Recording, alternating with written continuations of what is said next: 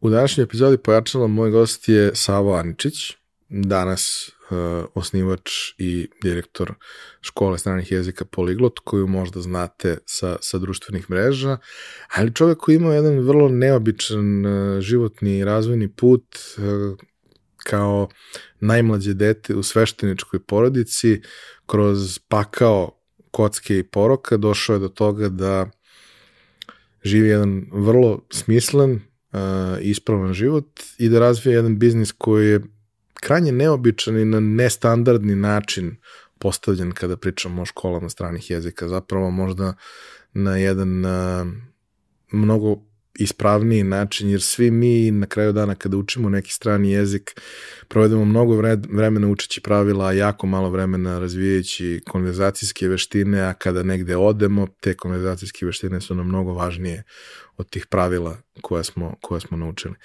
E, siguran sam da će vam biti zanimljivo i svakako epizoda je poučna, tako da uživajte i to bi bilo to. Realizaciju pojačalo podcasta podržali su Epson je vodeći svetski proizvođač projektora i štampača kako za kućnu, tako i za poslovnu i profesionalnu upotrebu. EcoTank tehnologija donosi značajne uštede za korisnike uz superioran kvalitet otiska, a količina otpada smanjuje se za preko 90%. Za više informacije o aktualnim modelima i promocijama posjetite epson.rs ili zapratite Epson Srbija na Instagramu. Naš partner je i Orion Telekom kompanija koja nudi jako veliki broj usluga iz domena informacijne bezbednosti, zaštite podataka i IT održavanja. Jednom rečju, Orion Telekom je sistem integrator i ukoliko tražite partnera za domen kibernetičke bezbednosti, oni su prava adresa za vas. Ukoliko niste svesni trenutnog nivoa ranjivosti vaše kompanije, ne znate kako da zaštitite infrastrukturu i podatke, kao i kako da otkrijete potencijalne pretnje, vreme je da uradite nešto po tom pitanju. Stručni tim Orion Telekoma vam je na raspolaganju za sva pitanja i informacije i pišite im na biz.prodaja.oriontelekom.rs ili pozovite 011 41 00 007. Odnedavno sam postao urednik i autor na portalu naše mreže. U pitanju je portal za preduzetnike gde možete pronaći mnogo zanimljivih i korisnih informacija o svim pitanjima koje muče vlasnike biznisa u Srbiji. Među autorima možete videti mnogi od mojih gostiju iz prethodnih epizoda, pa topla preporuka da posetite naša mreža.rs. Za slučaj da želite da nas podržite vi individualno, uh, možete da posetite link u opisu podcasta na platformi Buy Me a Coffee i tu možete kupiti mesečnu pretplatu ili jednokratno donirati neki jednost koji želite. Hvala vam unapred na tom. E pa Savo, dobro mi došao. Bolje te našao. Um, ti si dobar primerak za gostovanje u podcastu jer si jedan od onih koji sebi voli da komplikuje život. Ti si to radi u više iteracija, na više načina kroz svoj život i zapravo tvoja e, lična priča je opet e, malo drugačija od svih onih koji su do sad bili, zato što ima i neke komponente koje su, koje do sad nismo imali, a to je ovaj, tvoja borba sa porocima, tvoja borba sa nekim lošim životnim izborima, meni je mnogo drago što si ti sada tu i što mi pričamo i što je to sve iza tebe, ali i o tome ćemo dosta pričati danas, te samo o tome kako si, kako si razvio posao. A, ljudi koji te sada prepoznaju, koji gledaju podcast, ove, koji te prepoznaju, prepoznaju te zato što te znaju sa TikToka i Instagrama, a, kroz a, tvoj biznis, tvoju školu stranih jezika Poliglot. Ajde ukratko samo uh, objasni šta je to, pa se vraćamo na onaj normalni hronološki tok pojačalo. Poliglot škola jezika je škola gde učimo ljude da izgovore svoje misli. To je na neki način naš USP. A, nešto što sam otkrio dok sam i sam bio student i kada sam otišao ovaj, u Nemačku, to je da nas profesori uopšte ne pripremaju da pričamo, nego je to neka ta ovaj, taj neki pristup uh, da učimo kao po nekoj enciklopediji i da to izbiflamo, a onda kada izađemo u neku realnost, potpuno se zatvorimo.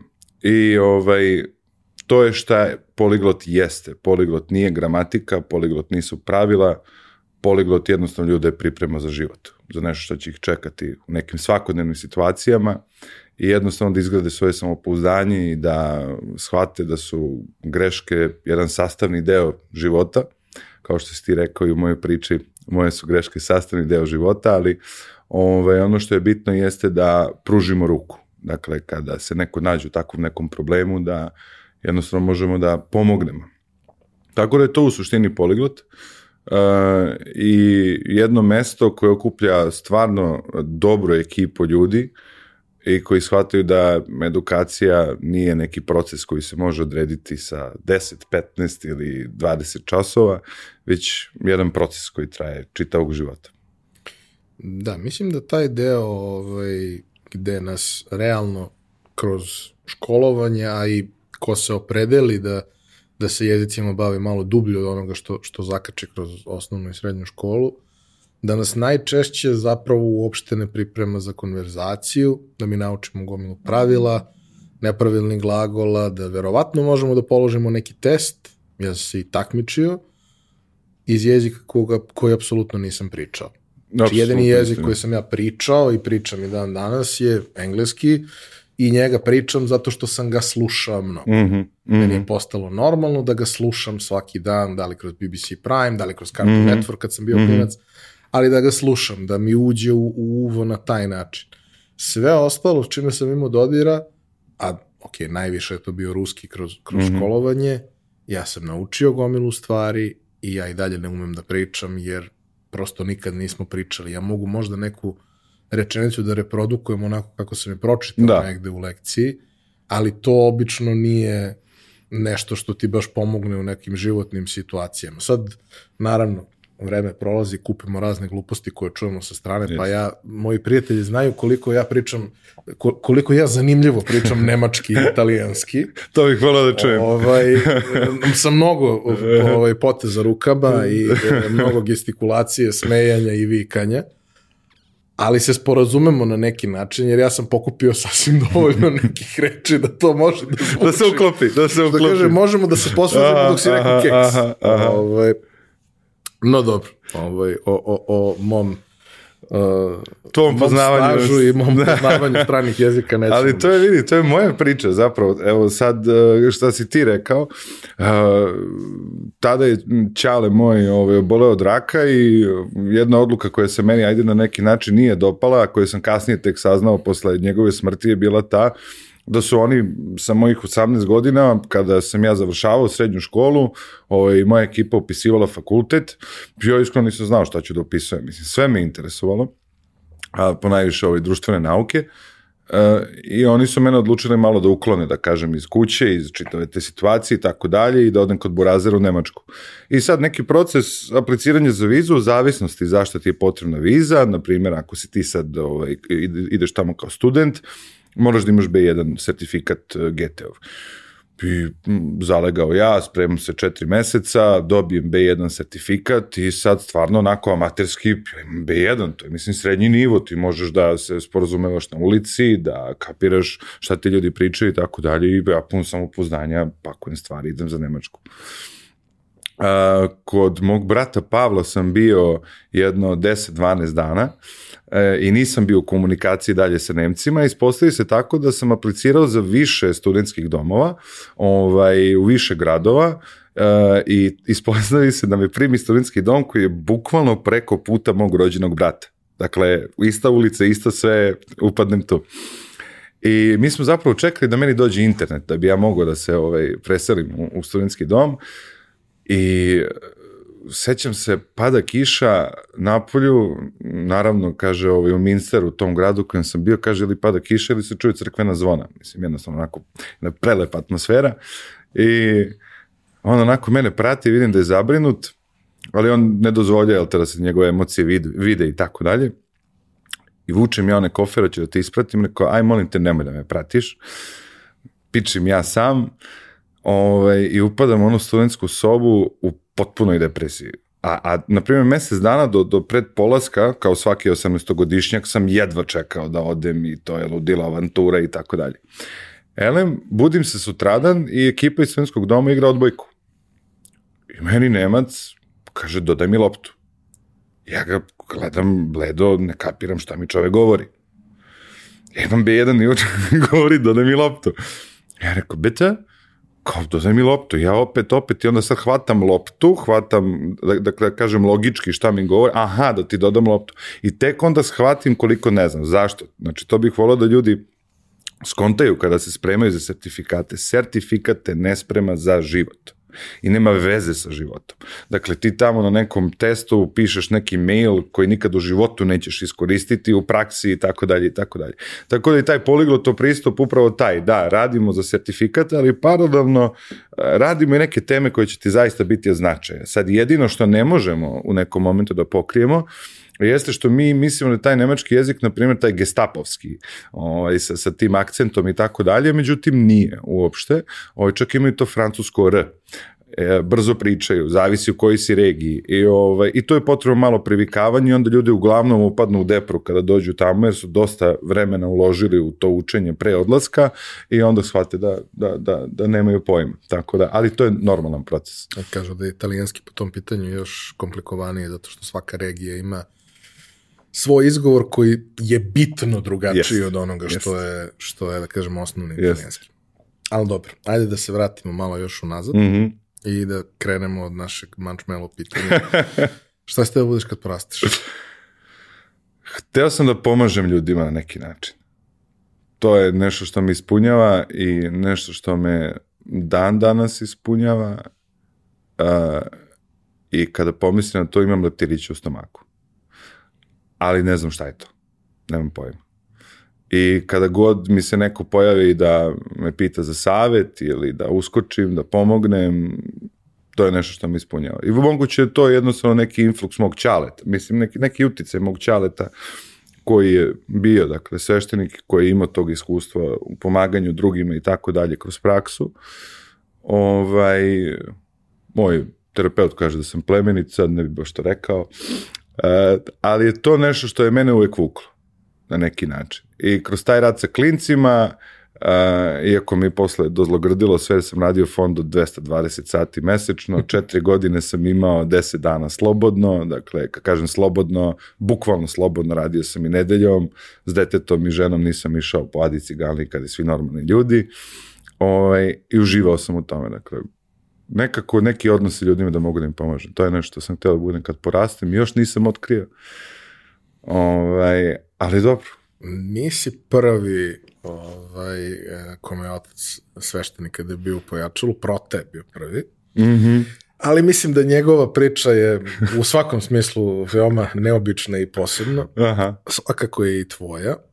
Pa, izvini što te prekidam deca sveštenika su ili ili. Postaju ili ili. Nema sredine. Čili postaju potpuna kontra ili su u toj, ostaju u toj priči. Ajde malo odslikaj tu situaciju u kući, generalno dešavanje i sve ostalo. Prosto to je neko okruženje koje meni deluje kao potencijalno jako lepo okruženje, jer znam neke ljude koji su predivni, koji su ovaj, u tom poslu. Znam i one druge, ali ne znam kakve su njihove porodice, ne bih volao da upoznam. Ovaj, ali i svega što znam, tvoj čale je bio jedan od tih koje su svi voleli s razlogom. Ali prosto verujem da niko ne zna osim onih koji su imali to jeli, direktno iskustvo, kako zapravo izgleda odrastati u, u jednom takvom okruženju i šta ono sve podrazumeva. Mm -hmm. Pa bih volao to mm -hmm. više da, da nam kažeš o tome. Prelepo i preteško. Znači i jedno i drugo. Zamisli da si zamisli da si neka mnogo poznata osoba i da su sva svetla uperena na tebe. Dakle, u kući uh, postoji sad taj neki, to neko mišljenje gde ljudi misle da se mi sad svi molimo i da pevamo aleluja svaki dan u kući ovaj, da se klanjamo Bogu i tako dalje, što je potpuna neistina. Naravno, sve zavisi od e, porodice do porodice. Mi smo vodili jedan sasvim normalan život, kao svi normalni ljudi, ali potpuno u neku drugu ruku i, i, i, i malo onako je bilo teško. Zašto? Zato što iz više uglova kao prvo, ja ne, kada nešto pričam o svom ocu, ja se trudim da pričam kroz ugao drugih ljudi. Dakle, ne kroz moj subjektivni osjećaj. Meni je on najbolji čovek kojeg sam ja ikada poznavao i ne postoji. Ni, ni jedna druga osoba. a, ali e, kada donosim neki svoj sud, trudim se da sagledam neko kolektivno mišljenje o njemu i koje zapravo potvrđuje neko moje to mišljenje ko, koje sam imao. Dakle, kada kažem da je nešto jako teško, jeste što sam ja u nekim svojim tim tinejdžerskim godinama bio donekle problematičan. I onda ti kada šetaš ulicom, a uglavnom sveštenici ne žive u parohiji u kojoj služe, ovaj, ja sam imao tu ovaj, divnu mogućnost da živim u parohiji ovaj, gde i moje ćale ovaj, da kažem ide po kućama i tako dalje I onda ti kad zapališ cigaru, a Popov sin zapalio cigaru, Popov sin puši, pa onda zovu moju kevu, znate vi da vaš sin puši, uh, Popov sin, kada si ti rekao, kocka se i tako dalje i tako dalje, koje je to onako bilo dosta uh, na neki način, ružno rečeno, zataškano, mislim, nismo želi da se to zna. Uh, tako da u tom smislu ti nemaš neku slobodu. I, znaš, svi ti morališu A ono kao kada je rekao jedan duhovnik, kaže kada ovako pokažeš prstom, ne zaboravi da ova tri prsta pokazuju na tebe i da sve to što govore za tebe, da su i oni sami, sve što nama smeta, ovaj, u drugima smo, je nešto što i nama samima smeta.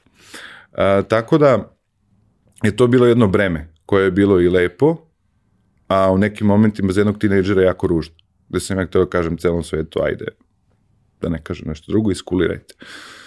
Ovaj, i nekako nikada nismo imali taj moment da mi moramo da ispunimo neke očeve, zahteve, prohteve, iako je jedino govorio, kaže, nemoj biti prvi, ali budi u prvom timu ili budi u prvih pet.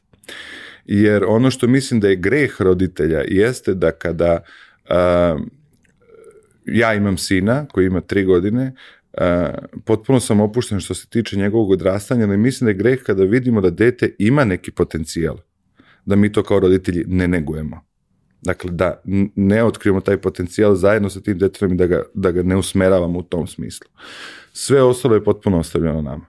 Dakle, kada sam ja hteo da upišem faks, on je umrao možda 20 dana pred moj prijemni, 25 dana pred moj prijemni i ja sam sociologiju ono skršio potpuno.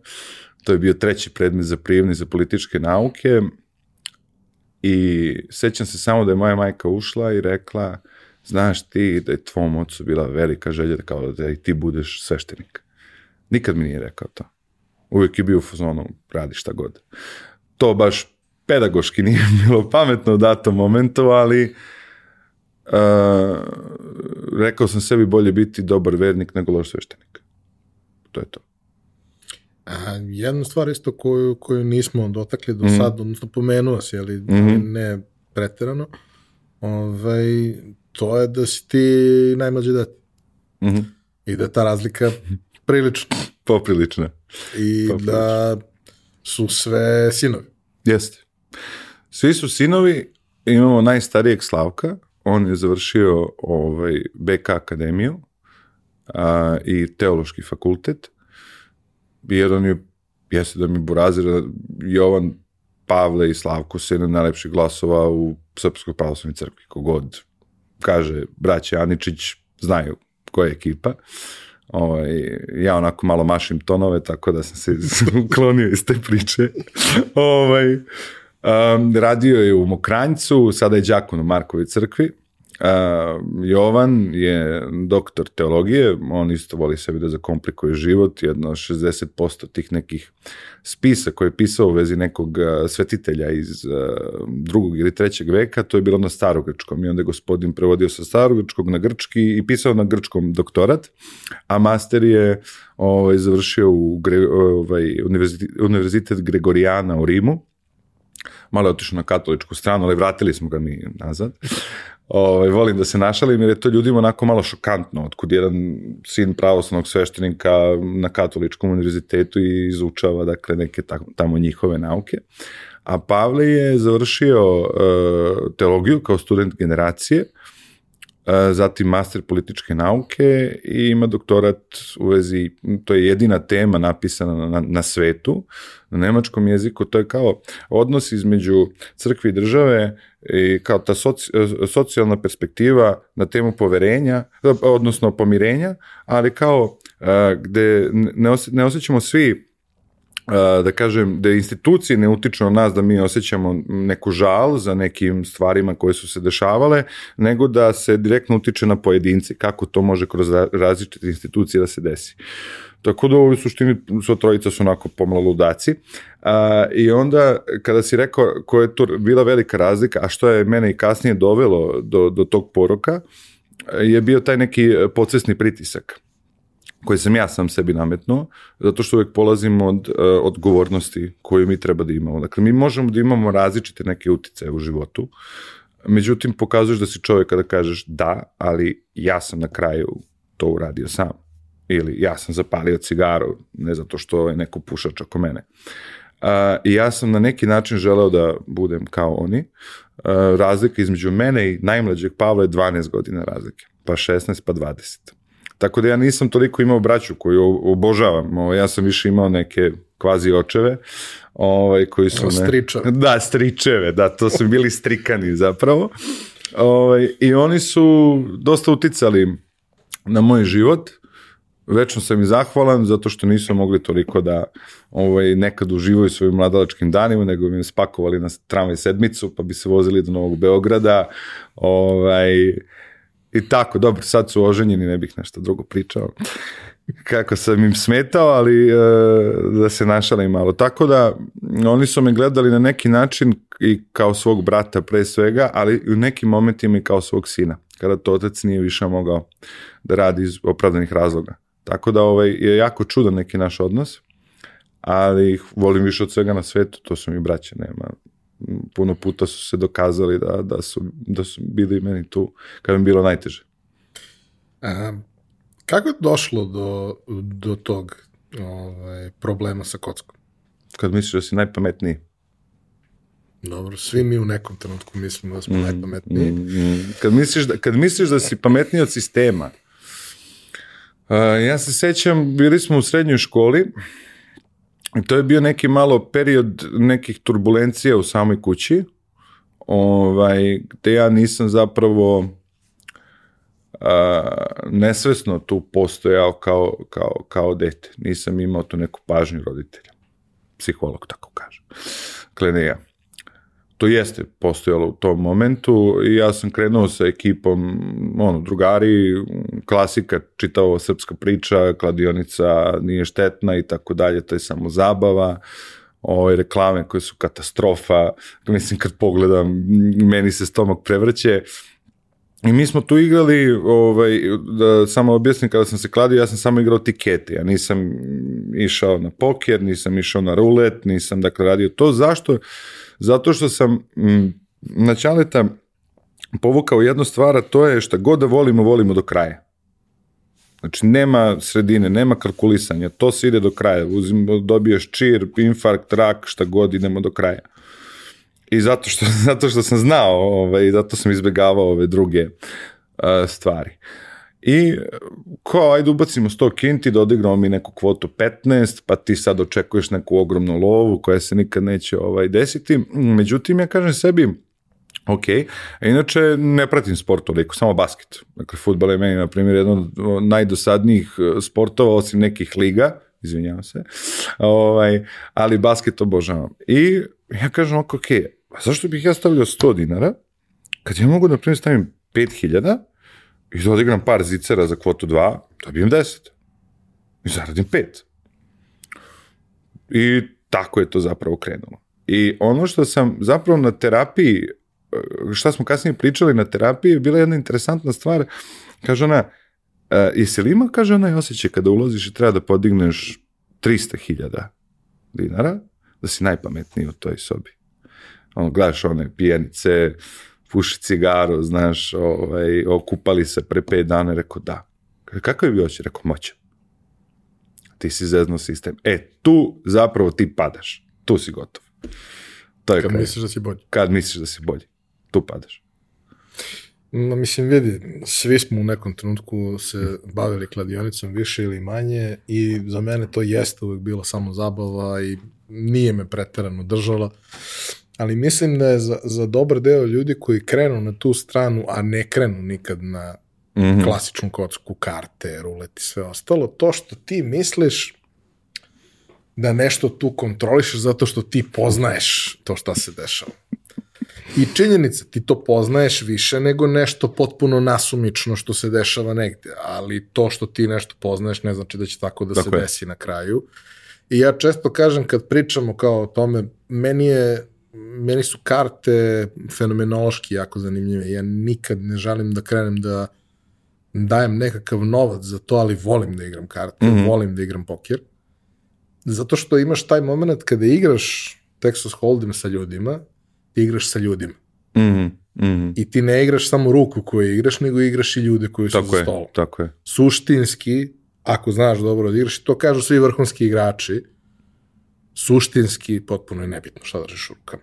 Mm -hmm. Ako ti znaš šta radiš za tim mhm. stolom, mm -hmm. potpuno je nebitno šta imaš za rukama i ne znam, pričao je recimo, ne znam, Daniel Nigrano je bio kod uh, Lexa Friedmana pre par meseci i pričao je, bukvalno je rekao kao ljudi, molim vas, nemojte da se zavaravate, ja sada sa 100 dolara da uđem u prostoriju gde je vas 500 koji niste profesionalni igrači. Ubio bi vas. Ja ću vas uništiti u narednih 7 dana i uzet ću vam sve što imate.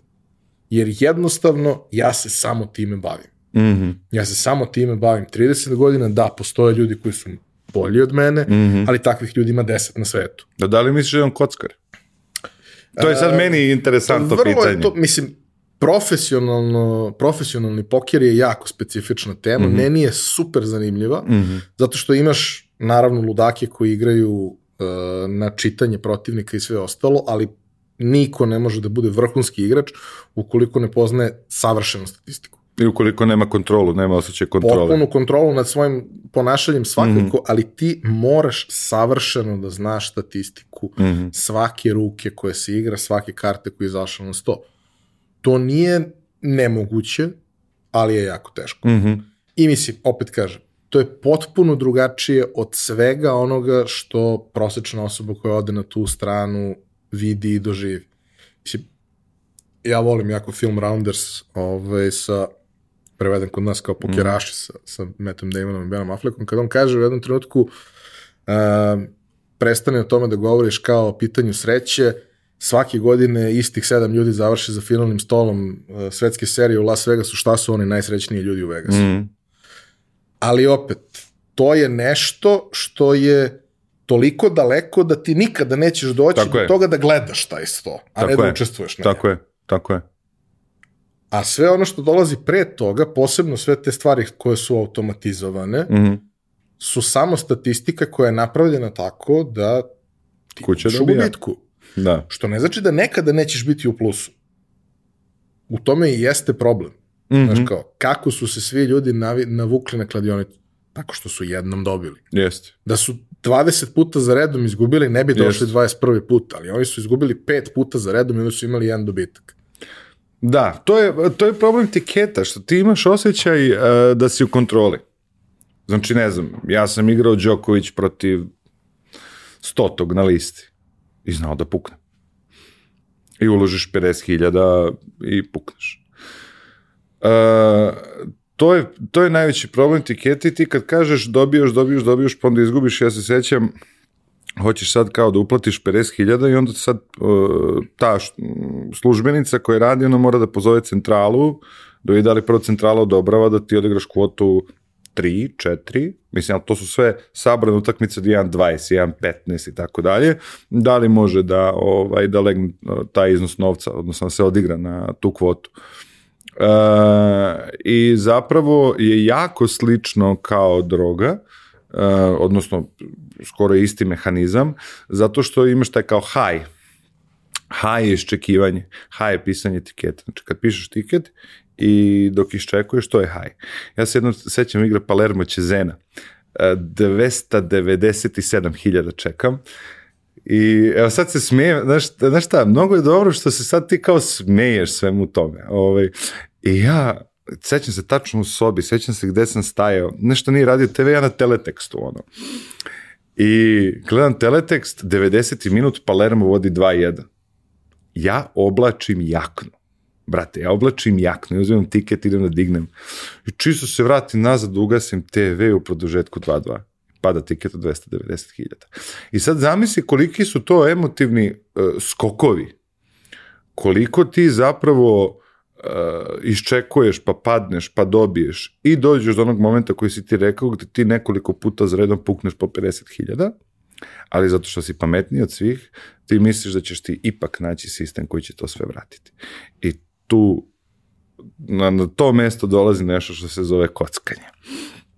Mislim da ono, taj moment kad ti to kad ti to sa nekim smešnim iznosima igraš i staviš neki stub od 10 utakmica i onda ti bude zanimljivije da gledaš te utakmice. Ja sam skapirao da u 30 kusur godina mi više nije cilj da mi bude zanimljivije. Dovoljno je stresno i ovako. Ovaj, naročito kad, kad navijaš za United, onda je baš užasno prethodnih 10 da. godina. Ovaj, ali kao, kad to radiš tako, onda na kraju dana nije ni važno. Mm -hmm.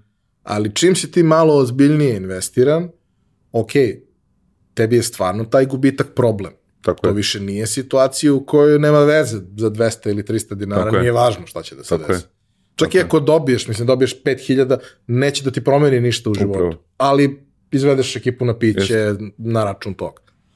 E, pre nekog vremena mi ne, ne obilazim kladionice jako mm. dugo, ne, ne zanima me to, ali pre nekog vremena smo jedno veče, pošto nigde nismo mogli da se organizujemo da gledamo prenos, otišli u kladionicu mm. da gledamo NBA. Jer radi do tipa 3 ujutru mm. i ima nove televizore i sve super i jeftino je piće i kao ne, sedimo nas 10 gledamo. Ma da. I uh, mi smo fokusirani na tu utakmicu, zato što nam je važno. Ali naravno NBA je takav da ima dovoljno pauze Mm. i u tim pauzama ti zapravo gledaš ljude oko sebe. I to je strašno. To je jezivo. Jer ti gledaš čoveka koji je tu došao isto 3 sata pre kao i ti i on igra i dalje one kerove što trče u krug. Ili grčki bingo. Ne znam ni šta je. Ali vidio sam da imaju te razne neke digitalne igre i da gomila njih tu igra i nervira se nešto. Ovi što su došli da gledaju utakmicu, njih mogu i da razume. Mm -hmm. Mi smo jedno vreme išli u, u kladionicu jer je tamo bio najbolji bilijar, najnoviji bilijar stolovi su bili tamo, bili su novi i kao bilo nam je super da, mm. da, da igramo tamo. Ali taj moment gde, gde vidiš te ljude koji su faktički ono se preselili tamo, imaju svoje mesto i to im je ceo život, to je mnogo To, strašno. to, je, to, je, to je upitno.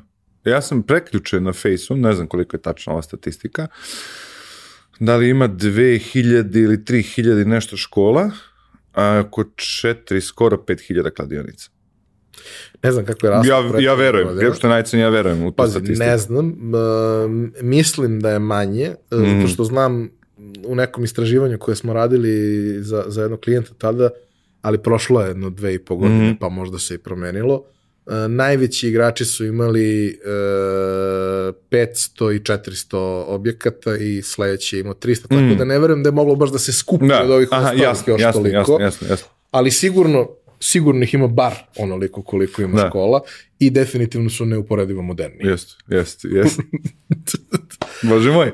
A, ajde nam još malo oslikaj tu, tu celu situaciju, Aha. mislim, prosto kako, ok, m, rekao si šta si radio, Mhm. e, kako ide taj, Sunovrat. pa da, prvi, Prvi sunovrat ide tako što uh, kao prvo, koliko si ti ole neka normalna osoba, znači imaš neka, neka osnovna moralna načela, uh, odrastao si u nekoj uh, tradicionalnoj porodici, dakle ja sam odrastao u patrijarhalnoj porodici, ali naravno da ljudi ne skapiraju loše, moj otac je naravno uvek za sve pitao majku i zajedno je donosio odluke sa njom, ali govorim u smislu on je radio, majka je bila oko nas, mislim četiri magarca moraš ti to sve da pokriješ, da nahraniš, a digresija je jedna, e, snajka, najstarija od mog brazera, kad je još kao devojka dolazila kod nas, i sad Keva je pravila sup, znaš, ali to supa to je onaj lonac, onaj ekspres ovoliki.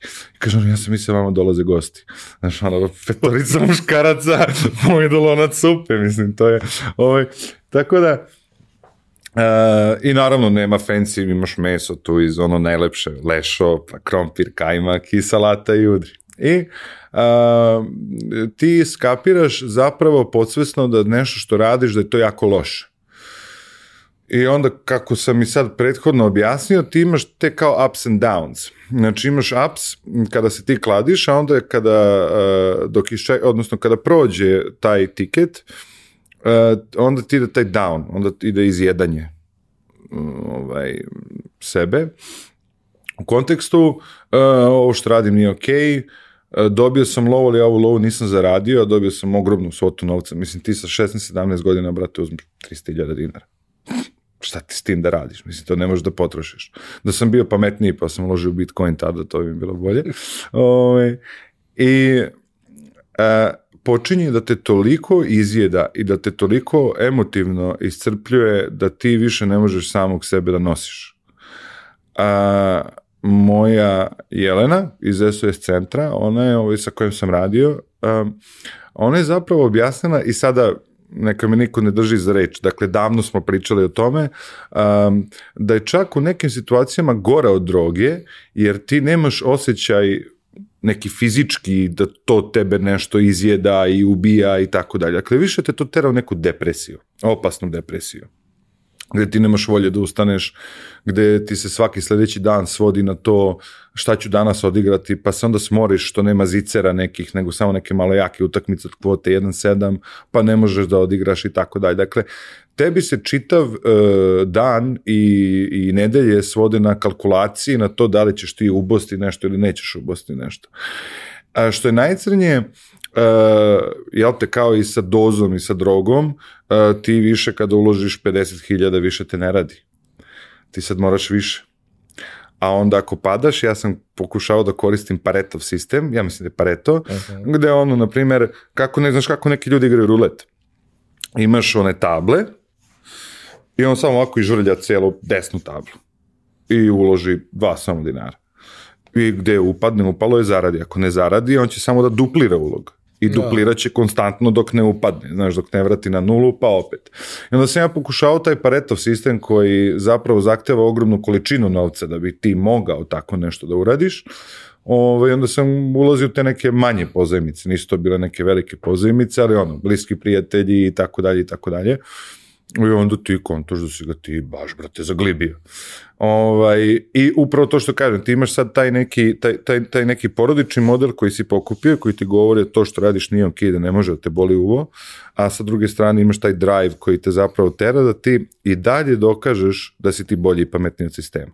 I to je ono, samoubilačka kombinacija. Ovaj, I onda sam zapravo Uh, mislim da ti nisam dobro rekao, sam uh, dosta razmišljao o tome kako je to izgledalo, rekao si mi kako su otkrili, kako su provalili, ja sam rekao da sam sam rekao, uh, Čale to li nije, oni su provalili moje etikete, ovaj, ko sam ja držao u nekom skrivenom mestu, ali majka sve provali, pa makar i u zidu bilo ono zamalterisano. Uh, I tako je krenula ta neka naša priča oko ovaj, toga da sam ja u tom problemu. Mislim, u prvom navratu su oni došli do nekih manjih iznosa, Uh, videli su neke manje iznose, pa je to bilo kao šta radiš ovo, nemam pojma, je bila neka mini kontrola, hajde da kažem, ali na kraju se to sve, ovaj, to klupu se odmotalo i onda su zapravo shvatili koliko sam ja zaglibio.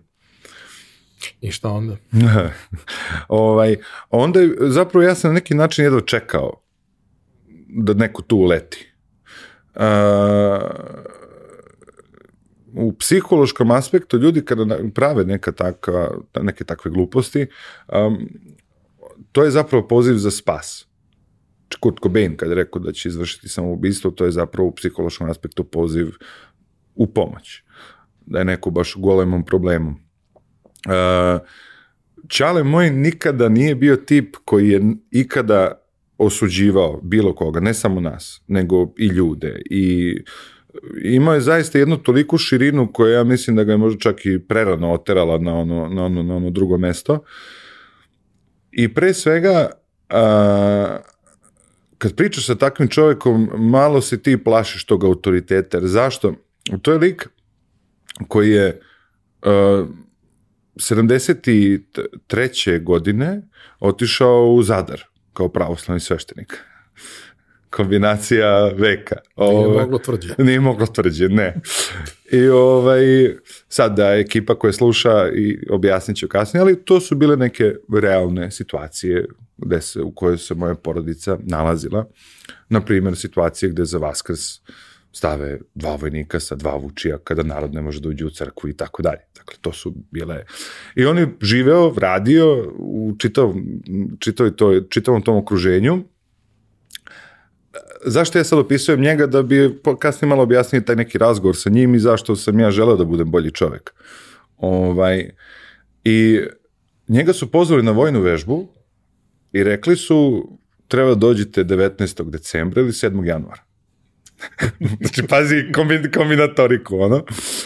A on imao bradu, na primjer, kao moja, samo još dva, tri put veću. Znači, to je bila ovolika brada i često mi govorili, govorio sine, sad kada se setim koliko sam bio lud, ne bih ono ponavljao. A, došao je, nije se obrijao i kaže, obrite bradu. I kaže, vidite onu plinsku bocu, kaže, gde se kuva ova hrana. Kaže, da, pucaću tu plinsku bocu, dići ću i sebi i vas u vazduh, ali bradu neću obrijati. Jel miš da je obrio brad? Tako da, ovaj, i desi se ta nesrećna 91. iz ko zna kojih razloga, da ne ulazim u to, a, ta kuća koju je pravio je bila ovaj, demolirana i tako dalje i onda je on, odnosno bila demolirana, to, to je bila ironija, on je za e, pravoslavlje napisao tekst vezano za tu zadarsku kristalnu noć koja je bila tada 91. godine, ali je zamolio urednika da samo pišu njegovi inicijali. Urednik je otišao na odmor i napisali su protojere i Žarko Aničić. I tada je znao sve što se tamo desilo. Ovaj, odnosno, da sve što je tamo imalo je to nestalo. I već je bilo nestalo, ostalo nam je samo slavska ikona. Ovo, kao sad iz nekih filmova, ovo, ali ludak. A, napravio dupli zid u crkvi da sakrije te bitne relikvije, ali valjda vazduh ušao u taj dupli zid i tog zidara, odnosno nekomu je da se zakune da nikome neće reći da je taj dupli zid i tako dalje i tako dalje. I vraćao se nekoliko puta. Došli su ovde, živjeli su 35 kvadrata kod njegovog prijatelja. A, ovaj, bili poređeni ko prasići, nisu imali hleba da jedu, ali znači nije kuknjava, mislim, većina nas je tako živjela, pogotovo, ovaj, pogotovo izbeglice. I to je nešto što, nažalost, e, smatram da neki srpski živalj ovde iz, ovog, iz centra Srbije ne kapira koliko zapravo šta su ti ljudi proživljavali, nemaju taj često osjećaj Srba van granica Srbije. Uh, otišao je, posle je počeo da pravi kuću u Kalođerici i tad su kupili neki plac iz nekog minusa, ono, neki čovjek iz banke, neki direktor mu je dao 10.000 maraka koje on jedva izvukao 93. godine i moj najstari borazir je legao na pod kuće, ljubio pod i rekao, tate, ovo naša kuća, nije mogu da veruje. Posle toga, uh, ovaj, da kažem, pomagao jednom starom bračnom paru, oni nisu imali nastavnika, on je bio Srbin, ona Hrvatica, uh, rekla je da ćemo ostaviti taj stančić od 55 kvadrata, posle smo nadogradili kuću. I kao što, kaže, moji su vam sve uzeli, ja vam sve i ostavljam. Tako da se taj neki krug zatvorio. Ono što želim u ovoj emisiji da kažem jeste da ja nikada u svojoj kući nisam osetio govor mržnje. Nikada nisam učen da mrzim. Dakle, ja zaista verujem u pravoslavlje. Generalno sam pravoslavlje. Pravoslavlje volim zato što je to neki lifestyle. To je punk protiv savremenog sveta odbrana od savremenog sveta, od konzumerizma, od svega ostalog, to jeste vrsta panka, ali hrišćanstvo kao hrišćanstvo zapravo u svojoj biti propoveda ljubav.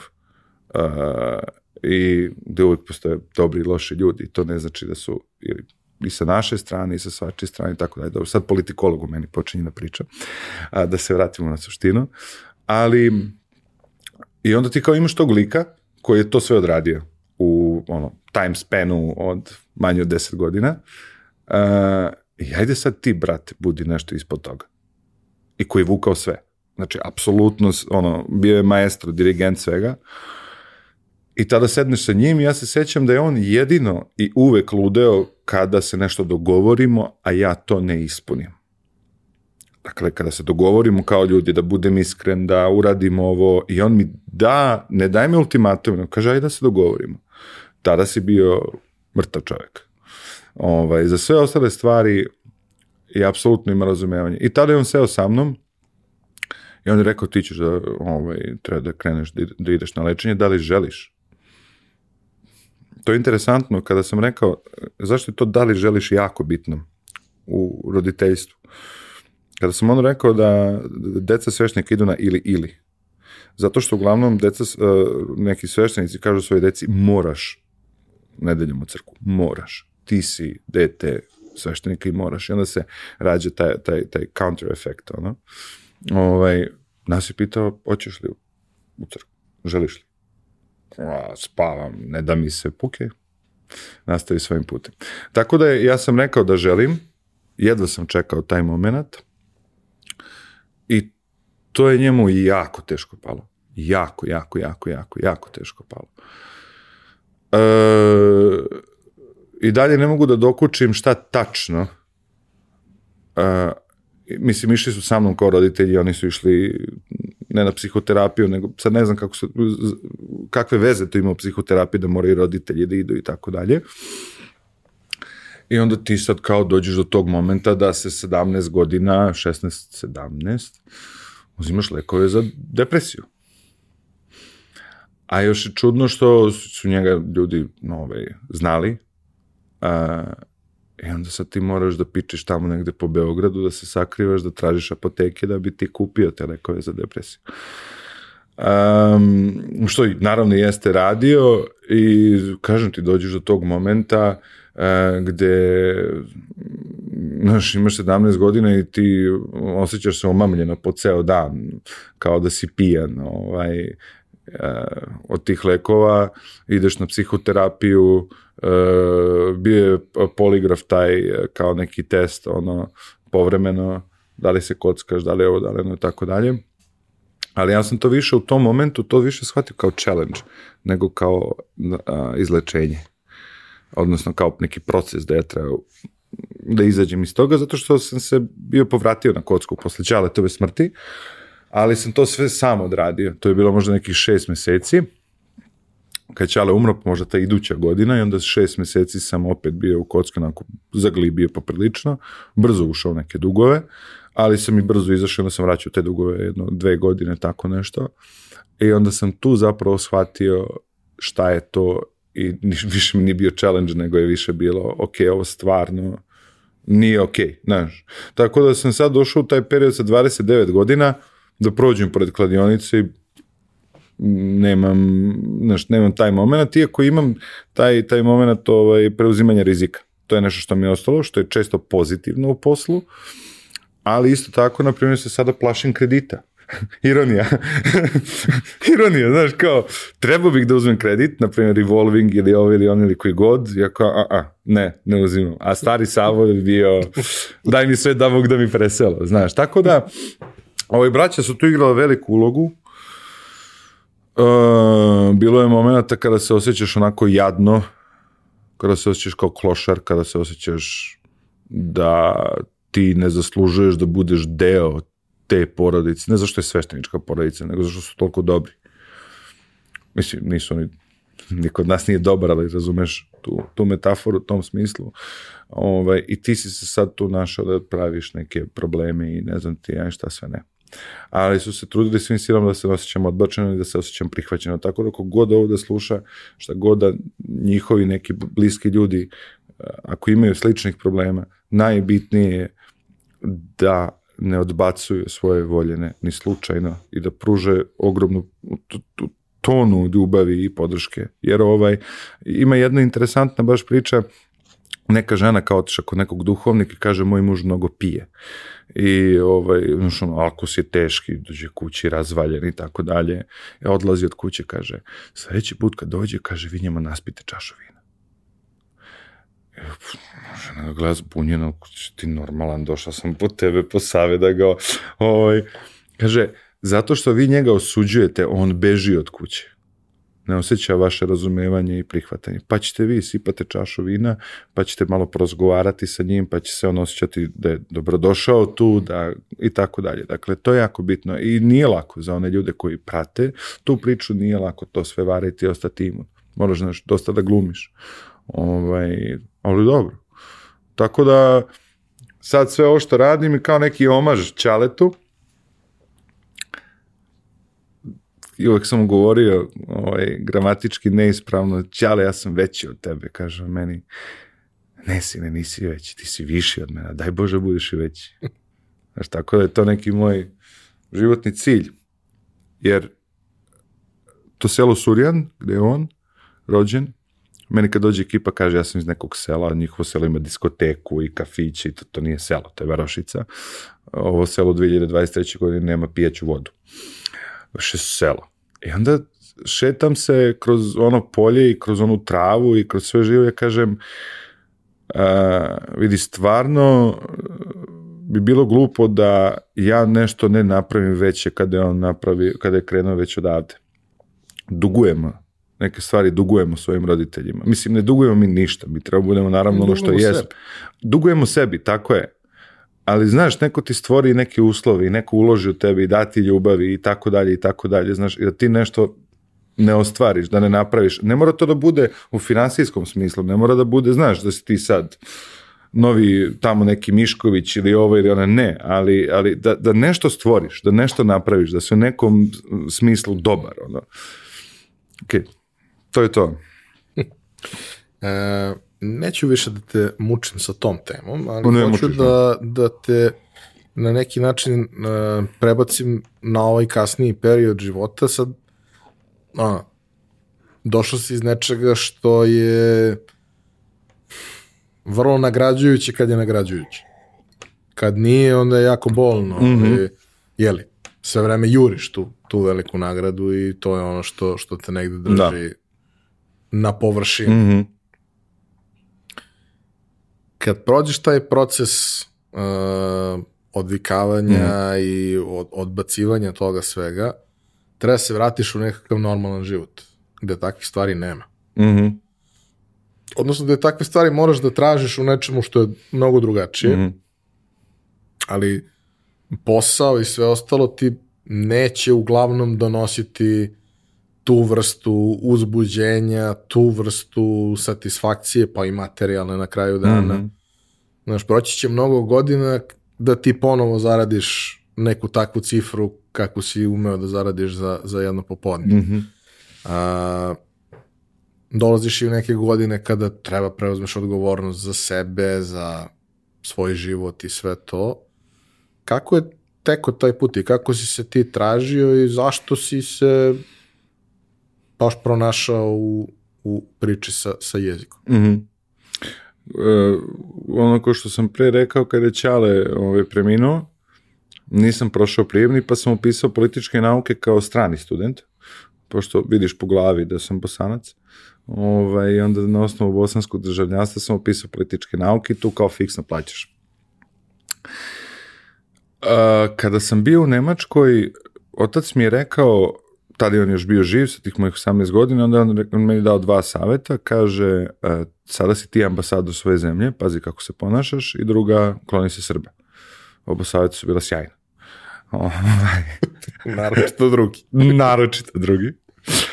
Uh, a ja sam uvek nekako bio patriota, a, i mislim da ljudi ne razume razliku između nacionaliste, patriote i svega ostalog ja koji sam svešnički sin, mislim, ono, imam drugara muslimana, imam drugara teistu i tako dalje, ali ovaj, ja gledam svoju državu u nekom zdravom smislu. I tamo sam, nikad se tamo ne bih vratio, ništa loše za Nemačku, super sistem, sjajna zemlja, autobus dolazi u minut e, i tako dalje, sve pet. Ili kad dođe ranije, onda čeka, na primjer, na tom mestu dok nije vreme za polazak. Onda ti dođeš, Njemačka. O, I onda ti dođeš iz, to, iz nekog haotičnog sistema i meni to toliko smetalo, toliko je to bilo nekako uh, sterilno. I, znaš, ja sam htio da se ubijem i onda sam onda su ti ljudi tamo, oni izađu oni piju da bi se napili i znaš, čudno je jako. I plus, si ti srbin, imaš ići, mislim ti si građanin drugog, trećeg reda i tako dalje, i ako ti to ne osetiš direktno, ali pasivno agresivno osjetiš u nekim situacijama da si ti, jel te, Balkanac, ne samo Dobro, gde god da, da nisi native speaker. Da, tako je, ta, tako je. Ovaj, posle toga, uh, jel te, otac je preminuo i um, to je nešto što, ću, što će mi ostati upamćeno kraja života ja bih voleo da doživim taj moment kada si mi pitao šta bih voleo. Uh, pošto je sad taj rak metastazirao sa jetre na pluća i tako dalje, ovaj, veselo se to sve završavalo. Uh, I on je uspeo u zadnjim momentima, pošto je jedan burazer živeo u Americi, on je došao u Ameriku, došao na Zlatibor, tada je bio na Zlatiboru i vratio se do Ljiga i onda je opet od Ljiga se vratio na Zlatibor i otišao za Beograd na avion, ima je tad ženu i troje dece gore. I ja kao zamišljam njegovu bol, brate. Znači ti ideš u Ameriku i čekaš poruku. A ne možeš da budeš od njega. I dva sata pre njegove smrti dolazi Pavle iz Nemačke, sleće i čitamo akat iz Svetom Nektaru Jeginskom. Zašto im bio die hard sveštenik? Zato što uh, kada je čitao akatist, uh, krenuo je da se guši, majka je stala kod prozora i, ovaj, i Pavle on refleksno stao sa akatistom da vidi šta je u pitanju, da mu pomogne majka ka prozoru, a on je samo rukom pokazao ovako, nastavi da čitaš. Zašto? Znači ti imaš osnovni ljudski refleks da preživiš kao kad voziš auto. Naprimjer, meni klinac iza mene kad vozim, jer ti refleksno vučeš da spasiš svoju stranu. Zamisli koliko ti veruješ u neki poziv kada zadnje što želiš da čuješ ne reči svoga sina ili kaže ženi volim te, nego samo da odiš u molitvi. To je to. I kao nešto što istinski voliš, nešto, znaš. I, elem, krenem sa faksom, uh, upisujem političke nauke, prvo jer ima neki skup predmeta koji su meni bili jako interesantni, uh, od prava, ekonomija, to i tamo, svađao sam se sa njom i dan danas u poslu se svađam, zato je Ivan, moj komeks, ovaj, tu, da čupa kosu, ovaj, ovo malo što mu je ostalo. Uh, I, i, i uh, zatim sociologiju, zatim uh, i tako dalje, i tako dalje. Međutim, ja sam shvatio da ja malo tu, ekipu nisam, nisam baš za tu ekipu ove ljudi. Ne zato što sam ja nešto dobar ili savršen, tamo posle bio sam prosječan student, ali nismo delili neka ista mišljenja. Um, i tamo ukoliko sa nekom ekipom ljude ko ne deliš isto mišljenje malo budeš obeležen. To je neko moje mišljenje koje ja imam. I druga stvar, da bi ti radio u nekoj ambasadi, uh, ti moraš da završiš faks, i čini mi se da ide proces da onda upisuješ neki, odnosno radiš u nekoj državnoj firmi, minimum godinu dana i onda možeš da apliciraš za diplomatsku akademiju, radiš prijemni, upisuješ diplomatsku akademiju godinu, ja mislim dana i onda te transferuju negde, da li odmah ovde u ministarstvu, na neku ambasadu. Elem, ono što je ironija svega, jeste što uh, diplomatsku akademiju, na primjer, upisuju vajari što imaš lika koji je bio vajar i treba sad ide putuje negde i da predstavlja ovaj, tvoju zemlju. Sada se e, ekipa na faksu bori za to i ono, puna podrška e, za takvu stvar, da, da diplomatsko mogu samo da pravnici, e, politikolo, odnosno studenti sa političkih nauka i ja mislim bezbednjaci. Jer oni realno to i uče. I u tom momentu, dok sam ja na faksu, prvo skontam koja je jaka ekipa oko mene, nemam leđa, znači mogu najbolju ruku da lupam pečate za 60.000 u opštini, ako uđem u opštinu, znamo po kojim sistemima i tako dalje, ovaj, a da mnogima su već rezervisana mesta i tako dalje. Bože moj, ako svet funkcioniš, da neko ne, ne misli da govorimo o nekom negativnom kontekstu, nego jednostavno nekom pragmatičnom. Paralelno dobijamo penziju neku 25-30 hiljada i ja imam kao student pomoć od države 2000-2500 dinara. šta, šta ti da radiš sa tim, ono. Ja se sećam, dolazi prvo penzija, e, majka, koja je moja pomoć, znaš, i to, kao, donosimo one potrebe sa student i to sve, dve i po hiljade. Oh. I uh, sad ti kao žickaš tu neku lovu od keve, vamo tamo, međutim to nije dovoljno za neke moje troškove. Mislim, nisu moji troškovi i restorani i ne znam ti nijem šta sve ne, ali prate, da izađeš sa devojkom, platiš piće, bioskop i tako dalje. A u čitavom tom periodu je majici bilo jako loša, ona je baš bila jako vezana za oca. I ja živim sam sa njom i ono, ne znaš, znaš, ne znaš, ne znaš šta će desiti sa tom ženom, nemaš, nemaš pojma, ne, ne znaš. I ja se sećam, to je bila komična situacija, odlazim ja kod mog duhovnika i ja mu sad kukam. I sad ja ću se predstavim kako ja sve to nosim, kako sam ja car, kako pomozi mi, šta da radim s mojom majkom, ono. I on samo meni naj, ono, mrtav Alan kaže, ja se očekujem neku, ono, mudrost monaha sa Himalaja, kaže, svako nosi svoj krst. U nekim situacijama u životu jedino, jedino rešenje koje postoji je da nosiš svoj krst. Nema drugog rešenja da trpiš da nosiš. I tada mene Jovan, moj borazer, zove i kaže, e, ima ovaj, kod Jovšića, Jovšić Printing Centar, ima kod njega kao neki posao. Tokom faksa. I ja se sećam, upisujem, ovaj, javljam se Jovšiću, ja sad očekujem neki fin poslić i to sve. A Jovšić je krenuo od jedne pisać, odnosno šta, uh, mašine za štampanje koja izgleda kao Gutenbergova mašina, znači to je raspad sistema i kad uđeš kod njega to je ovako opasan onim crvenim, kako se, kako se to zove, ovaj, kao ono za red kad imaš, mm, da, ne, da. i opasano je tako i ono je prefarbano i ono je odatle krenuo. I rekao mi jednu čuvenu rečenicu, kažem, postoje, uh, mnogi ljudi su pamet, pametniji i bolji od mene, ali niko ne može da radi više od mene.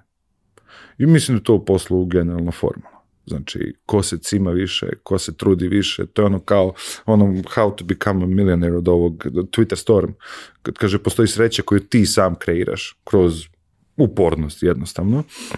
Ja završavam u proizvodnji ovaj, i to je bio neki ponižavajući deo mog života uh, gde, mislim, ne to što sam radio, ja bih da ne kažem šta čisti na ulici, ono, ono da mi normalno platiš i svašta sam radio u životu, a reću zašto ponižavajući i uzimam onu, Uh, znaš, znaš one sveske, ali koje nemaju konac, nego su zalepljene. Uh -huh. E, pa onda, ne znam da li si kad skidao, pa ubaciš usta, inače, ovaj, da, ovi što se lože na lepak, kao ja i benzin, miris benzina, dobar je fazon, dobar je fazon, da. I sad ti dobiješ taj sveženj, uzmeš skalpel i režeš pa onda voziš na malom viljuškaru, guraš to, pa za Coca-Cola lepiš nalepnice, znači to su ono kao tedious ono poslovi, toliko si, sitnija, ja hvala Bogu imam ovako debele prste, onda sam se jako loše snalazio u tome. I dobiješ sad tu neku platu koju dobiješ, ustaješ u pola šest, Uh, i prvi mesec ja kupujem svaki dan sendvič, kafu, sendvič, kafu, sendvič, kafu, brate, odeš 5-6 hiljada, ode na to sve. Aha, ok, termos kafa, znaš, radi, ovaj, ponesi sendvič, završava se svim tim, ideš, učiš i onda je ta ekipa sa faksa mene zezala, ha, ha, ha, lepi markere, ha, ha, ha, ha, ne znam, ono, seče ovo, radi u štampari, znaš, ono, botina. Ovaj, I taj moment je meni, za mene bio ponižavajući, ne kao da ja radim neki posao koji je nečastan i nepošten, ne postoji posao koji je nečastan i nepošten nego jednostavno ta neka zafrkancija, to se ostio jako ranjivim u tom momentu. Ovdje sam ostio to da pičem. I onda paralelno sam aplicirao za neke kineske škole, odlično pričam engleski jezik. Uh, dobio sam mogućnost da radim za nekih 500-600 eura. Međutim, meni se taj odnos uh, od strane Kineza prema svojim radnicima nikako ne sviđa, zato što je to robovlasnički odnos generalno. Uh, ne znam da li ja kažem svoje mišljenje šta mislim da će se desiti kad oni ovaj, zavladaju. Biće super zanimljivo. Da, ovaj, onda će taj tamo Amerikanac, Njemac na, nama biti majka Tereza, sećat ćemo se nekih lepih dana, mislim pošto nam sad kao smetaju. Ovaj, I um, posle tri meseca ja nisam mogao da trpim samo jednu stvar, a to je taj ljudski odnos. Znači ja mogu da giljam za tebe, možda mi umenješ platu, možda mi povećaš, ali ako ja s tobom ne mogu da pričam, I ako sam ja za tebe samo radnik koji potpiše ugovor na 50 strana gde je 46 strana ono kazne, a četiri strane su benefiti koji uopšte nisu benefiti, onda ja ne želim u tom mestu da radim. Uh, I apliciram ja za tu školu All Right. Javlja se meni Marina, Ukrajinka, koja bleji na plaži i koja Eko, ko je ovo budala, kako je ovo škola, gde sam se ja, brate, ovo prijavio, što se ovo dešava? A mi smo škola taj, ta ukrajinska, levo, desno, možeš da radiš kao, ti si iz Srbije, rekao, jesam, ok, imaš super akciju, to že budeš native, hoću. Pola sata je bilo 12 dolara, sat vremena 18. Ali ako odradiš dva časa, po pola sata dobiš 24 dolara. 2017. godina. Ja mislim, slagaću te. I kao, ok, i mesec, dva, tri, ja sam imao možda dva trial, ono, probna časa na nedeljnom nivou posle tri meseca oni imaju neki, neku ogrom, imali su, dobili su neki ogrom priliv novca, investitori su leteli do tog momenta da sam ja došao da radim 200-210 sati na mesečnom nivou. Nisam morao, mo, morao si samo da imaš 10 slotova na nedeljnom nivou, otvoreni 10 sati, ali sam ja naravno, tep, ajmo pravimo pare.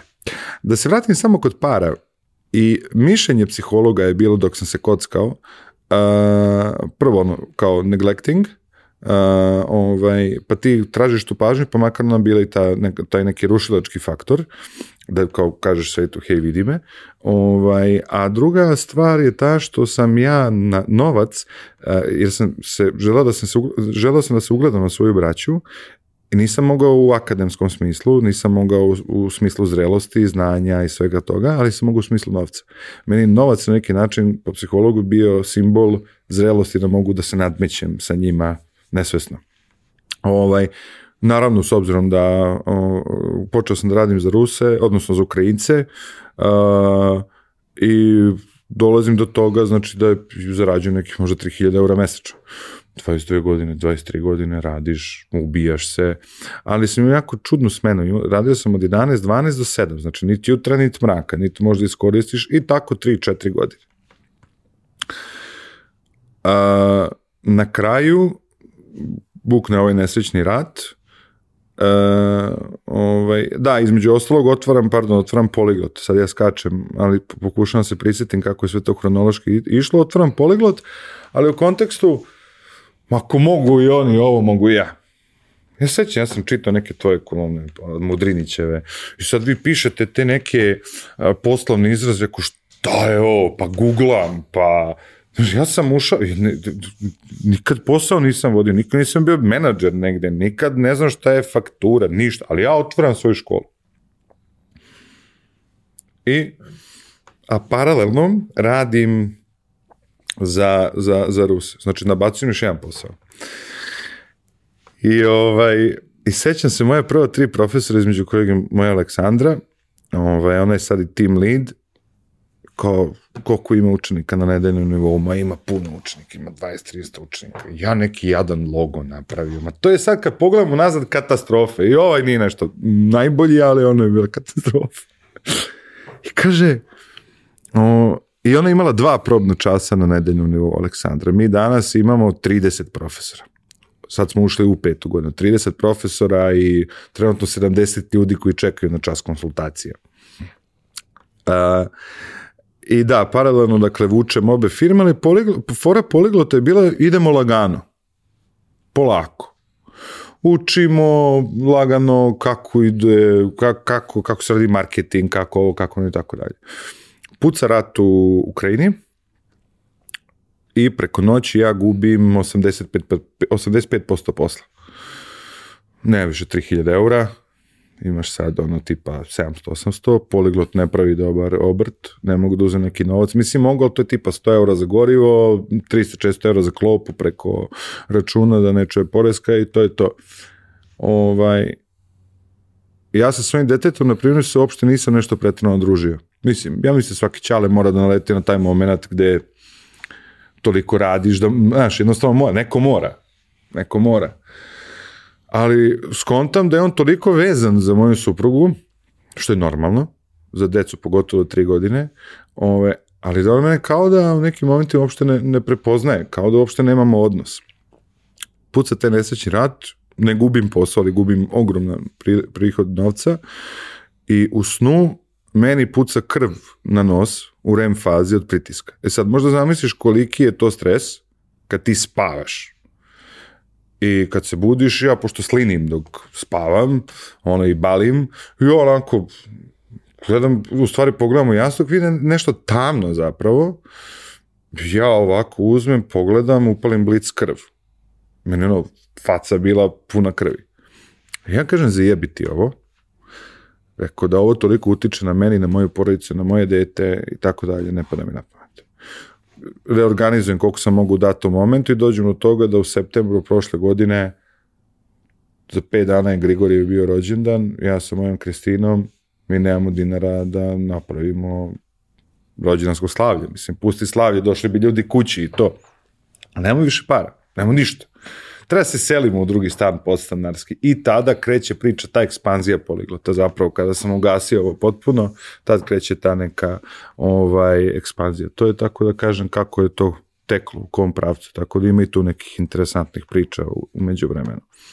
E, posebno mi je interesantno u celoj priči taj pristup koji je konverzacijski. Znači, fokus na to da je negde ključno da ljudi mogu da se sporazumeju međusobno. Tako je. Jer to što znamo pravila neće da nam pomogne mnogo u životu. Ne. Ok, kad bude trebalo da se polaže za neki test i za neku licencu, sigurno, ali mimo toga u životu od tih pravila se niko nije usrećio i pravila vrlo često nama donose tu neku nesigurnost da nešto što ćemo reći nećemo reći ispravno i onda bolje da ne kažemo ništa. Mhm, mhm.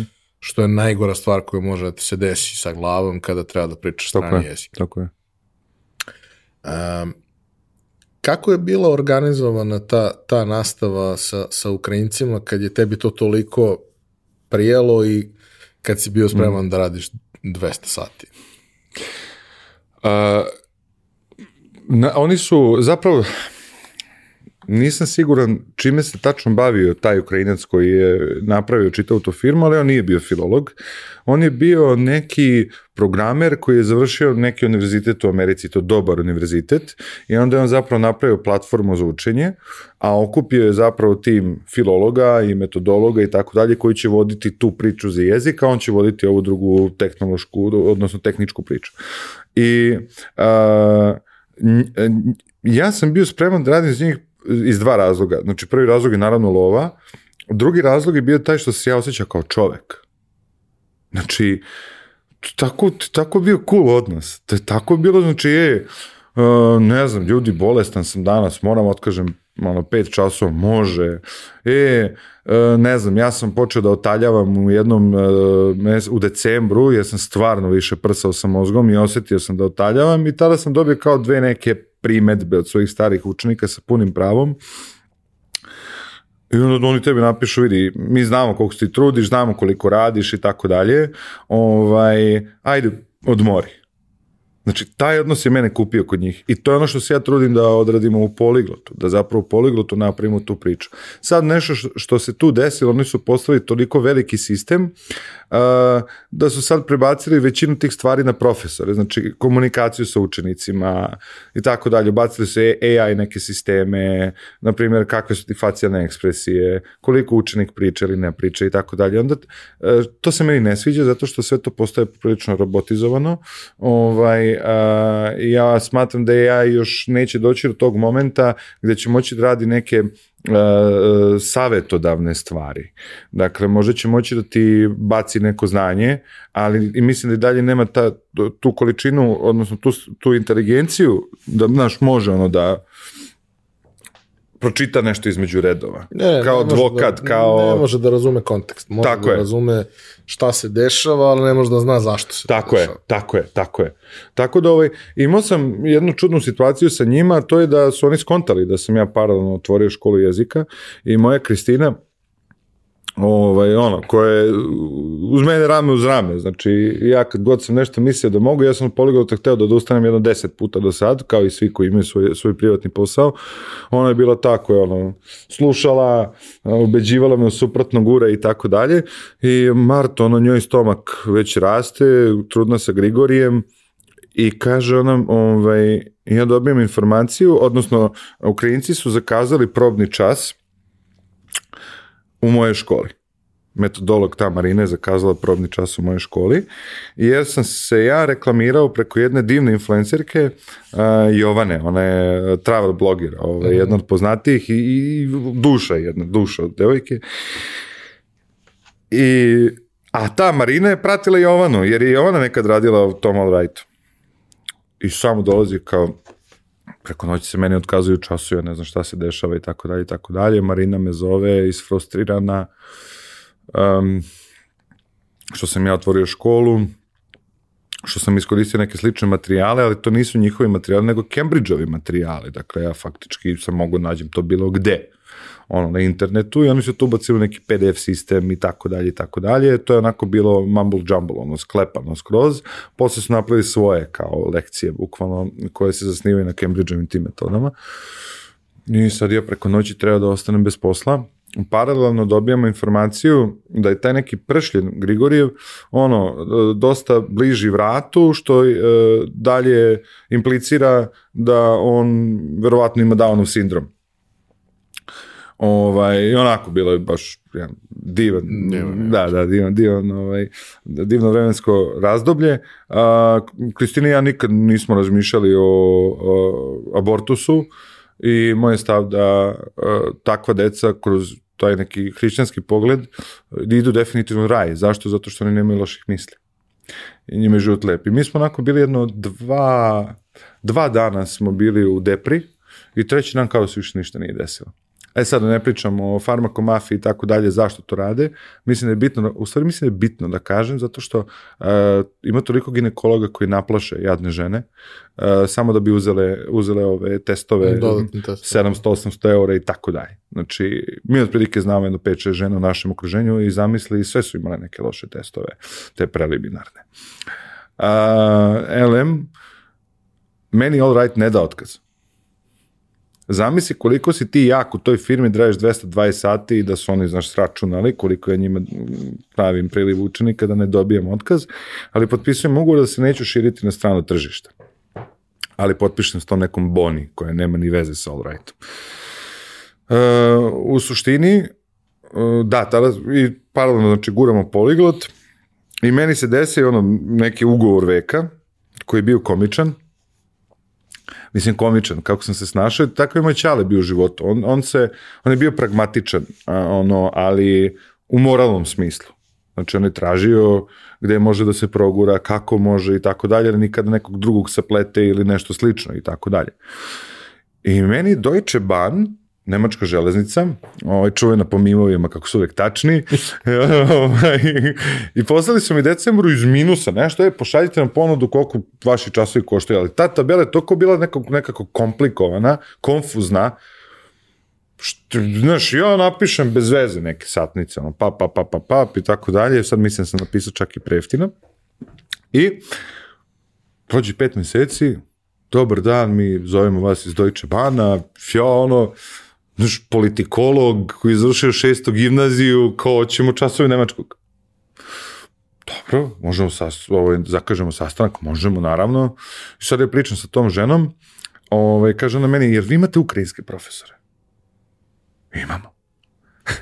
Naravno da imamo ukrajinske profesore. Mislim, znate kako, mi smo poliglot, škola jezika koja se rađuje dakle, sa profesorima sa prostora Balkana, o, ali imamo i ove druge profesore koji su na tom nekom evropskom nivou. Ukrajina sazno si ono koji su gradovi kada je krenuo rat, znao si samo za glavni grad. Ja zovem tadašnju koleginicu Kristinu, kaže mi, e, slušaj, treba nam ukrajinski profesor. Kaže, ovaj, dobro, naći ćemo ukrajinskog profesora, a ne kontajući ja da je krenuo rat i da su sve izbeglice krenule za Nemačku i za Austriju i da su uzele sve profesore koje znaju da kažu makar i guten tag. Nema profesora. Srećom, ja kažem toj Sofiji, treba će nam mesec dana da bi naša profesorka koja je sada ono, predaje, Ukrajinka koja predaje nemački, da bi mogla da preuzme tu grupu. Znači ja kupujem sebi mesec dana, nađem ukrajinske profesore. Nema, brate. 20 nešto dana, nema. Nema. LinkedIn, Facebook, sve moguće grupe, izbegličke, profesorske, sve, sve, sve, sve, sve. I, ja, i Kristina ta pošle neko, neko, čuveni je neki DJ, neka devojka koja je Ukrajinka, koja ima tipa 700.000 pratilaca i pošalje iz minusa poruku inbox. I žena ladno otvara poruku, znači, ovaj, vidjet ću posle da ti to pokažem, ladno otvara poruku i stavlja na story.